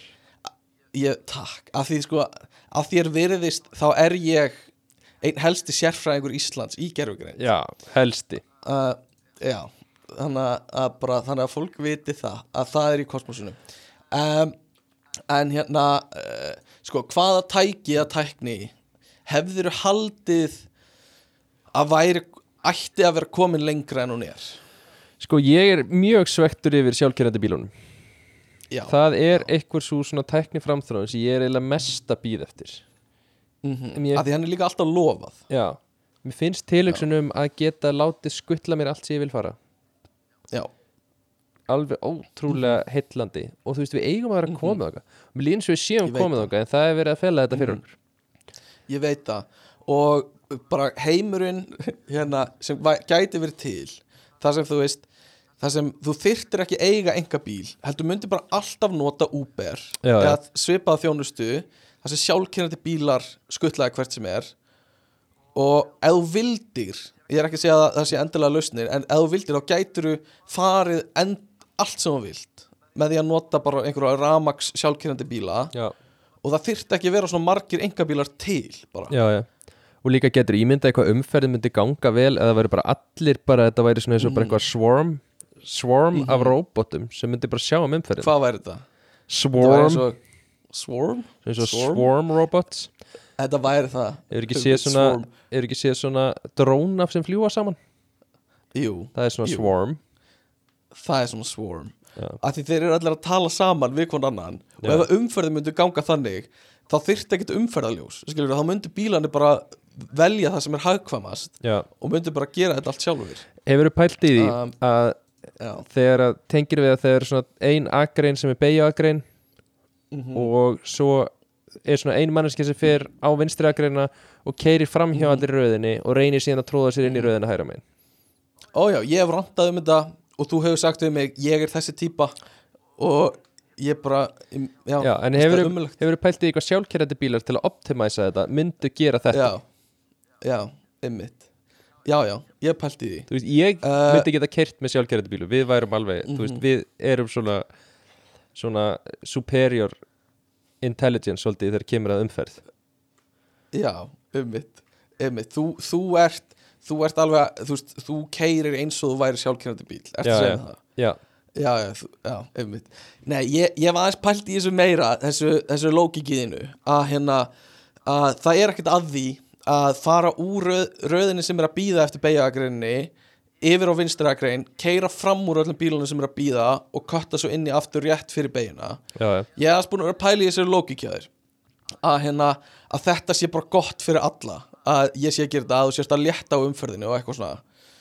Uh, en, en það sem það er ekki þannig vegna þess að þú veist, þú býr til meiri umferð á vinstrækriðin og ef að fleiri myndu gera þetta og kæmi umferð að teppa þar líka. Já, það fer náttúrulega eftir aðstæðum.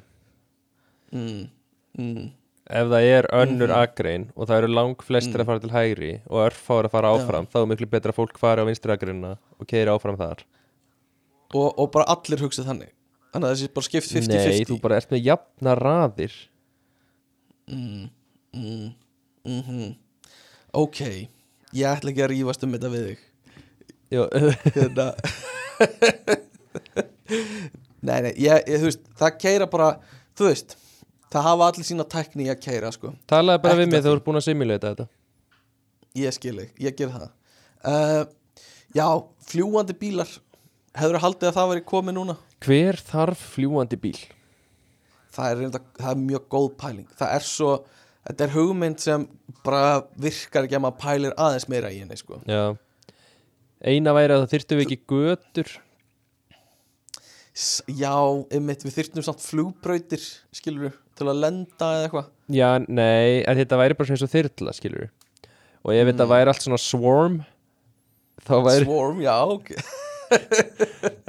þá væri þeir alveg syngaðir bara. Eins og drónar, þeir eru svona swarm. Já, já. Þú, þú vilt fá bara svona bíladróna Já, sem bara svona, ég fer bara að setja, kemur bara að sæki mig. Mm og ég fer í eitthvað þú veist, einhvern Mhm. svona, eitthvað svona, eitthvað svona egg, ímynda, ég er að ímynda mér egg. Já, og svo er ég bara að lifta Já. upp svo er flóið með mig okkur sér að fara og mér er droppað niður þar.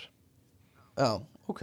Já, þú veist Það væri á, á, ákveðin hugmynd til að gera, sko.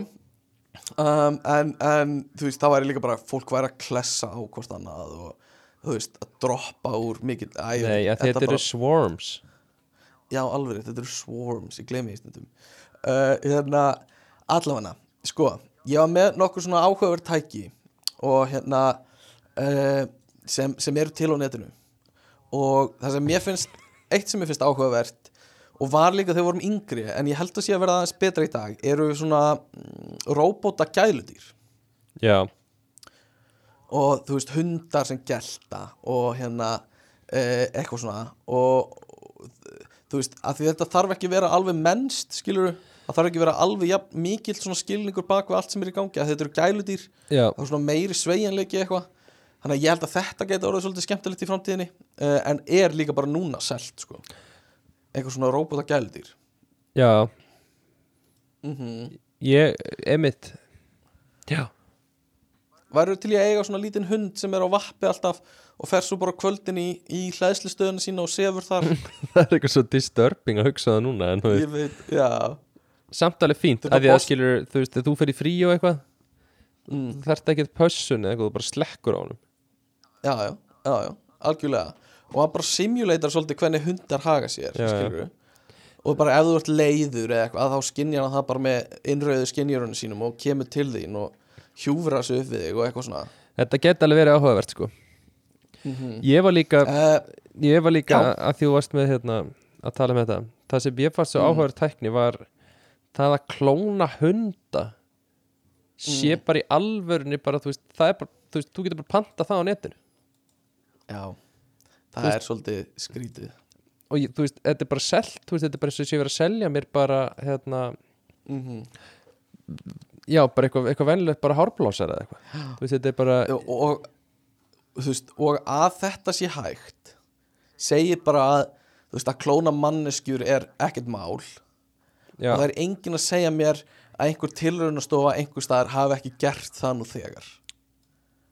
Já. Þú veist, möguleikin er til staðar. Þetta er hægt, greinilega.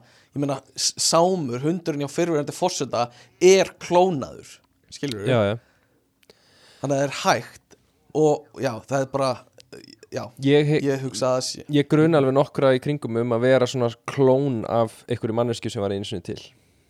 Ok, já, það er enda mjög fyndið. Pældi ég að þú myndir allt í einu sjá frétta tilkynningu frá einhverjum í, í Hollandi eða eitthvað sem er bara alveg eins og þú nema bara eldri. Shit, bara 30 árum eldri. akkur var hann eldri? Að því þú veist að ég væri til. klónaður. Já, já, já, já, hann var til einu sinni svo spyrðu mömmuðin eitthvað og hún eitthvað herðu við hérna, við fengum meðferð frá hollensku fyrirtæki. Já, að ég og pappið pældi okkur langaði eitt barn í viðbót en við bara gátum ekki eignast og hérna og svo fengum við bara hérna, eh, já, bara var sett, þú veist, að mammaðin hefur gengið með þig, skilur já, en heldur þetta væri bara eitthvað svona hérna, venjuleg svona teknifrókun en þetta var eitthvað svona hollensk klónunafrókun og tekni sem var í gangi? Og, og hérna, þú Shit. sérð bara þig shit, já. Uh, ég held að í framtíðinni verði líka fæðingatækni uh, eitthvað sem maður ætti að hafa augun á.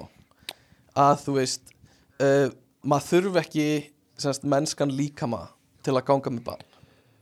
Að, að þetta verði rosa mikið bara þú veist, þú getur látið þú veist, þú getur hérna meðgangan gæti verið bara á tilraunastofu í kemur barnið.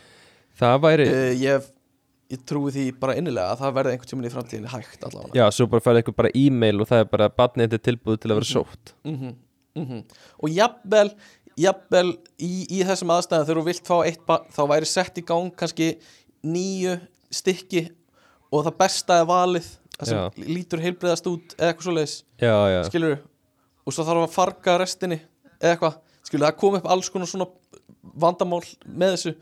En, en ég held að í fram og það mun náttúrulega hafa áhrif líka á uh, þróun mannkins ef að ef það er ekki limiting faktor um, fæðingar og, og mjadmastærðir og alls konar svoleiðis um, í meðgöngu sem er náttúrulega ein, ein ástæð fyrir að neðdalsmaðurinn dó út var bara hvað hausinu var stór með við mjadmagrindina um, þannig að það var mikið af fólki að deyja í fæðingum þannig að það hefur svona alls konar áhugaverð áhrif á þróun mannkinn sko.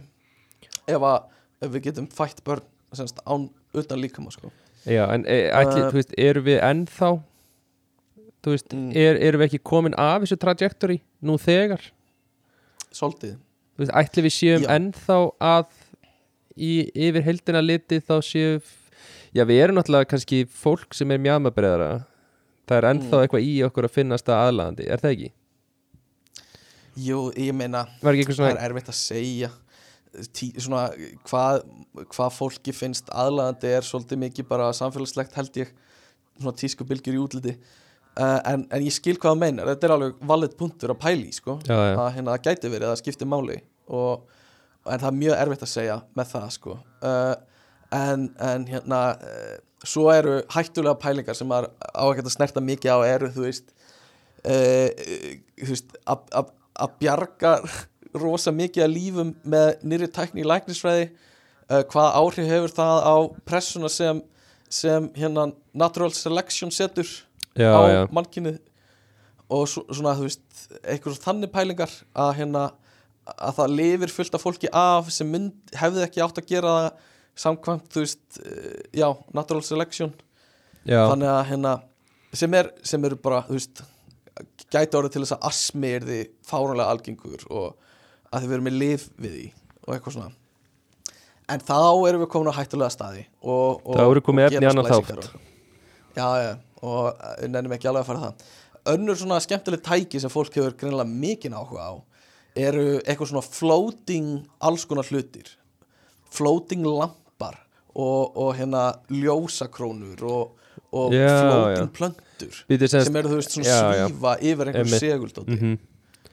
Þetta, og það eru no nokkri svona hlutir já, ég fell rosalega í gildruna á öllum Sko, það Mm. er hægt að selja mér hvað sem er ef það er Mhm. eitthvað svona flott auglýsing já, 100% sko. ég, Í dag Einmitt. sér að lendi í því að ég var komin sko með hluti í körfuna áður en ég greip sjálfa mig í bara einhverju brjálæðiskasti já, einhver svona tækni múfa sem er rosalega flottu löngu nafni og góðu myndum Nei, veistu hvað þetta var? hvað? Þetta átti að vera eitthvað svona til að hjálpa þér við fókus þegar þú ert eitthvað að vinna og eitthvað svona Já, og þetta var svona, svona klukka á stærfið svona snusdóllu já, og það var svona segull á henni. Já. og þú gæst sett hann á skrippborðið þitt svo snérir bara svona 20 mínútur og íttir henni niður þá bara tald hún niður. Ah. það var næstu búið að selja mér það var næstu búið að selja mér tæmerinn á símanum mínum.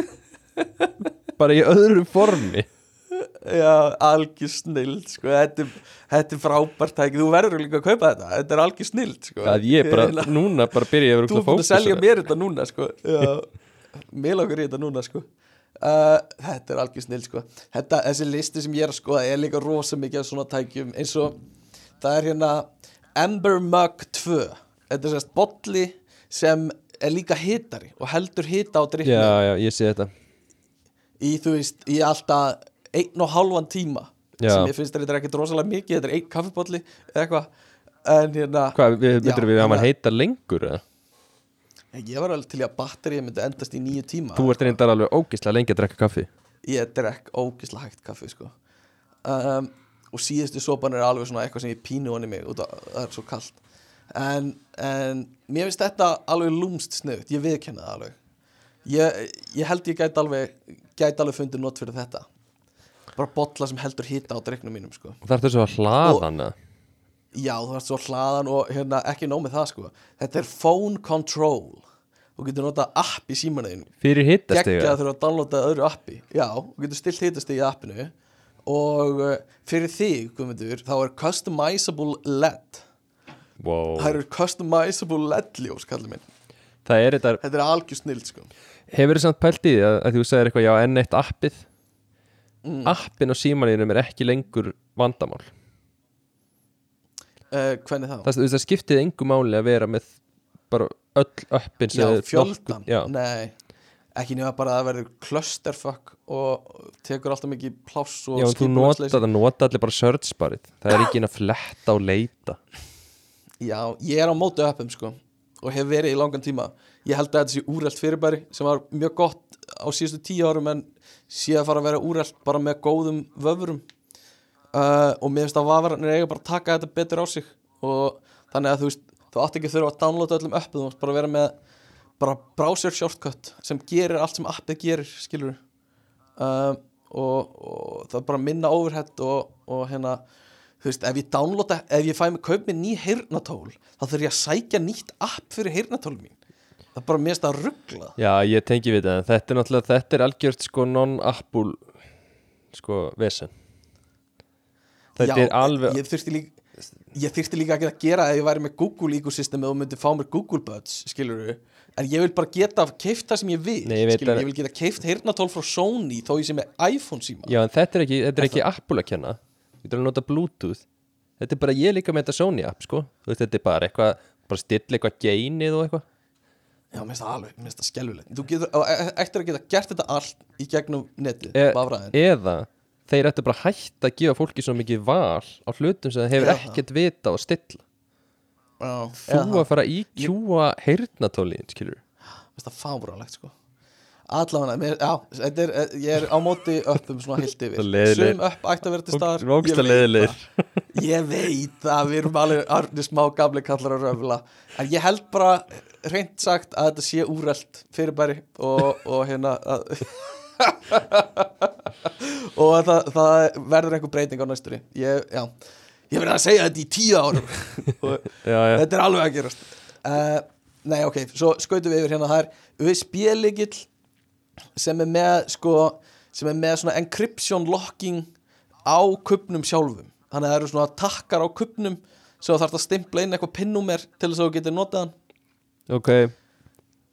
Já, ekkert sérstakt. En ég meina, Eh, akkur getur hann ekki bara verið Akkur getur hann ekki bara verið læstur bara eins og, veist, eins og læsa harddræfi í tölvunniðinu þetta er bara að fólki finnst eitthvað næs að geta nota takkana finnst það eitthvað meira secure sko.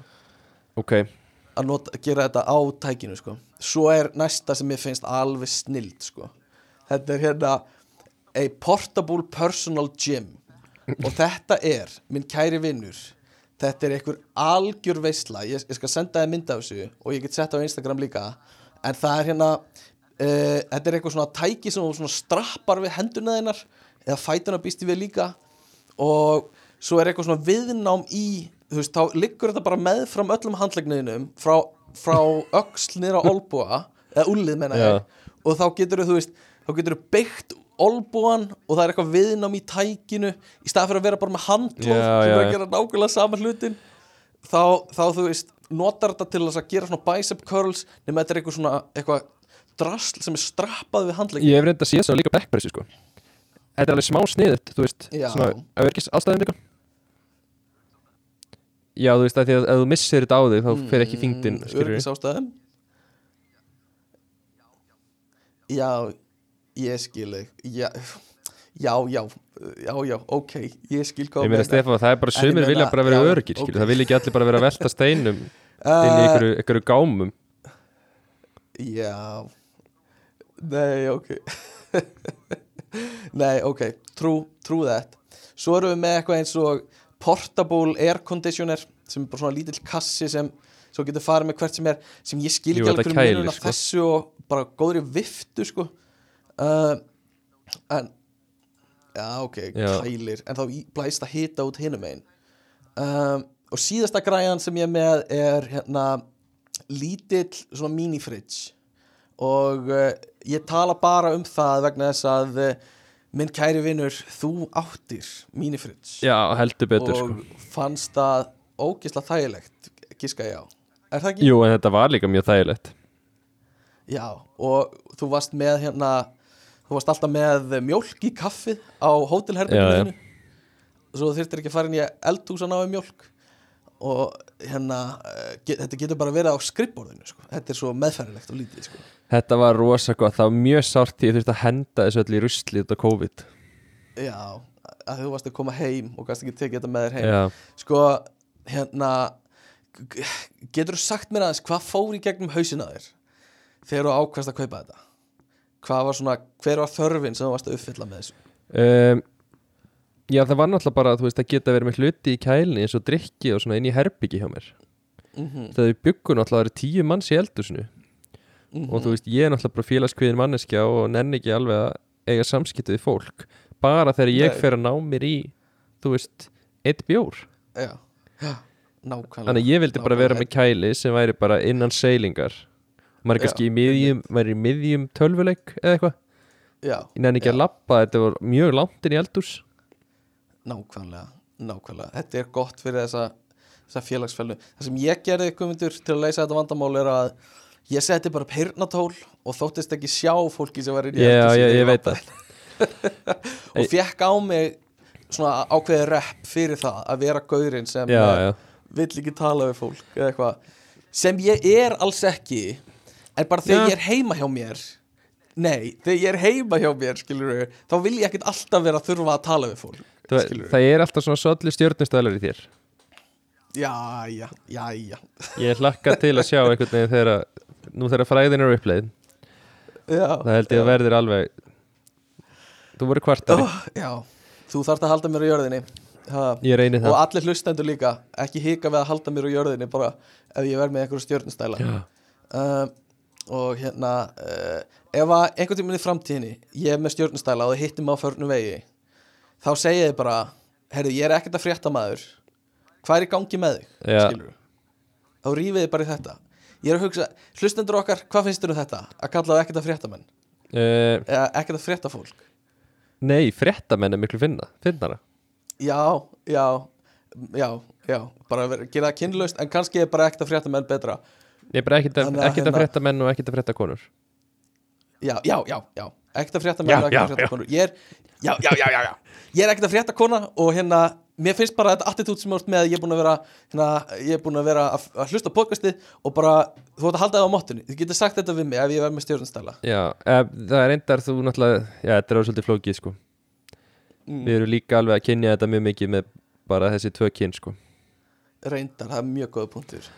Uh, Já, ekkert að frétta kvár Það er alltaf leið uh, Já, þannig að bara, að, að, bara hvaða, hvernig sem þú vilt orða þá er, það, þá er þetta hérna, uh, væri þetta hlustandahópurinn það er ekkert að frétta og svo það sem þú kýst. Já. Ok, geggja, fíla um, hérna, sko við förum að klára þetta núna. Það, við þurfum að taka leikinn Já. og fá hlustandur til að ringin og, og hérna, Línutnar og loga. segja okkur hvað hljóðið er ha, Línutnar er að loga. Já, já, lína loga. Um, Þannig að, að já, með í lokin aðeins að tala um svona tækni framtíðarinnar.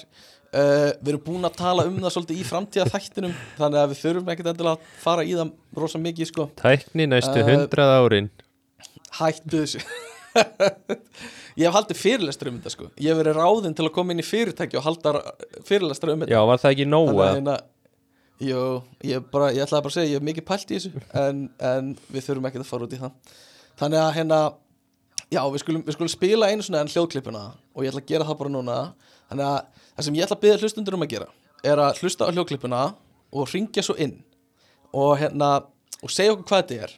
Og ef þú getur sagt okkur hvað þetta er þá færðu þá færðu velun og hérna, þannig að hljóðklippan hljómar svona. Og það er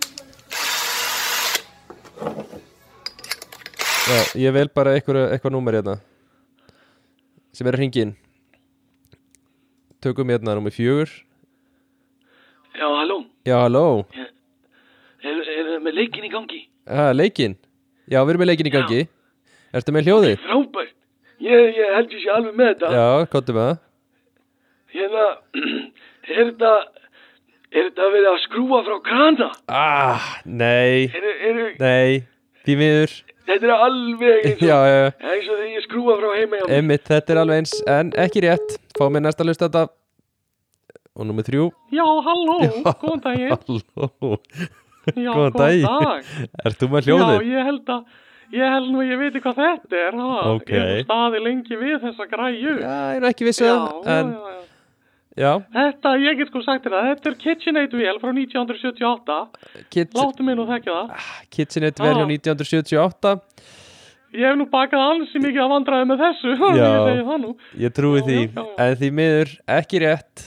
Takk fyrir að ringja Hvað er anskot tökum næst. Ok, fáum hérna inn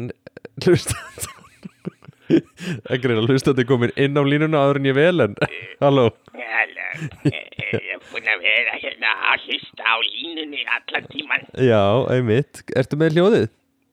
Ég veit nákvæmlega hvað þetta er.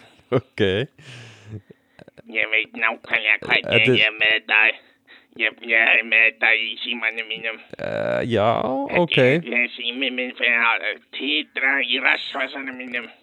Ég veit þetta ekki hvernig þið fengur þessu upptöku. Þetta er upptaka af símanum mínum að titra í já, mínum. já. Hvernig fengur þessu upptöku? Nei, við, hérna, þetta er ekki rétt hjá þér. Fá mér næsta hlustanda Og nummer eitt. Halló, halló. Hei, hei, hei, hei. Halló. Ég held nú, að ég veit hvað þetta er. Ég veit það nú. Já, Herri, þetta er, þetta er audio TikTok með Mark Bolgen nei, Ég sé nei ekki öllum TikTok einmitt. Hefur sé dansinn, wiggle waggle Já, nei, ekki er það Við skulum fá inn seinasta Nei, næst seinasta hlustandan Já, góðan daginn. Ég hérna, mér finnst það nú bara frekar skýrst, sko. Þetta er, þetta er Makita borvél HP 440. Uh, ah. ah, Ég vildi ég gæti Ah. gefið rétt fyrir þetta Hvað? Þú ert nálætt í Þú ert nálætt í Nei, ég, ég veit hvað þetta er. Nei, Ég já. nota þetta alltaf í vinnunni. Já, ég ve- sko um leiðu þú heyrir hvað þetta er þá fattar að það er ekki það sem þú ert að tala um Þetta er bor... Hæ? Þetta er borvél? Ég get ekki gefið meiri vísbyndingar hérna Við skulum að Anskotin. Næsti er þessu. að ég sjá, góðan daginn Já, góðan daginn. Góðan daginn Ég heyri nú bara strax góðan á þér að þú ert maður Já. sem þekkir þetta Ég veit, ég var að hlusta að gallin á undan, hann vissi ekki alveg hvað það var, ég veit alveg hvað þetta er. Já, er þetta, hjálpaðan þér? Já, hann, ég veit alveg hvað þetta er, þetta er, þetta er Makita Borvél, Já, þetta eh, er HP, já. Þetta er, þetta er Makita Borvél, HP, fjórir, fimm, sjö, DFF. Herðu, það er hár rétt Til Ég vissi hamingju með það. Já, takk fyrir það maður. Ha, Hvernig er tilfinningin? Þú varst alveg með þetta Já, ég vissi þetta maður. Já, þú áttu svona sjálfur? Nei, ég bara fylgist með. Já, Ég bara alltaf horfa á review á YouTube og svona. erðu þá verður nú ennþá ánæður að heyra það að við ætlum að gefa þér í vinning Makita HP 357 D2 af E sem, Gömlu útgáð. Já, gera. það er nú til miklu eldri útgáður en, en þetta er Akkur, myndið ekki gefa mér nýju útgáfuna? Akkur myndið Eh, ekki gefa mér útgáfuna sem við erum með í lo- loftinu? Eh, hún er, hún er þe- þessi er voða fín sko þessi, margir segjum sér betri margir, hérna, mikið síðum Ég, og fyrir ári, Ok. fyrir ári síðan þá var þetta besta borvilin á markaðin já, það er ekki ár, það það er nýtt ár. Já, fucking, fucking shit. Ok, fokka Alla, þú. já, já, Þetta er sæk. já, viltu ekki vita hvað þú sækir nei, Já, ég skellt ekki á hvað sæk ég. hvað sæk ég þetta? dúbnahóla 5 Ok, mæti hanga, bye bye. já, Já, já, skemmtilegu leikur Skemmtilegt að heyra líka í hlustendum þetta er, Þið eru þetta er alveg hlustendur. hópur Fjölbreytur hópur hlustenda Og mér finnst alltaf gaman að sjá Svona þverskurðin Og bara hvernig þið virkilega eru hlustendur góðir Og gaman að heyri ykkur. Ekkert satt, En- ekkert satt svona engin eitthvað mjög eðlilegur. Nei, þetta er ekkert að frétta fólki okkar og uh, það er bara alls konar, það er fjölbreytt. Hérna, uh, annars bara held ég að þessi þáttu sér búin að gott að enda þetta á svona bengi, svona góðum leik uh, og hérna uh, leðilegt að þau komist ekki aðeins síman það var bara gló, gló, alla líðunum voru glóðandi það er gott að gefa, hérna- það er góð tilfinning að það er gefa. gott að gefa. Það er frábært að gefa. Uh, það er gott að gefa, en það er reyndar himnist að þykja en, en jú, það er alveg gott að gefa líka. Um, allavegna uh, takk fyrir að hlusta kæru hlustendur. Ég var bara að muna núna að við glemdum að segja rauðin dagsins. Ert þú með rauðin dagsins eitthvað, Guðmundur? Heyrðu, það var eitthvað myndu te myndu, á, frá, ég, ég held að við höfum aldrei verið menningarlegir í rauðin dagsins. Ha, eitthvað myndu te love it. Og hérna uh, við segjum, já, rauðin dagsins er eitthvað myndu te uh, st styrtaræðileg þáttus í dag eru snjómoksturstæki. Mm, á ég að sína þið græju. Mm, snjómoksturstæki.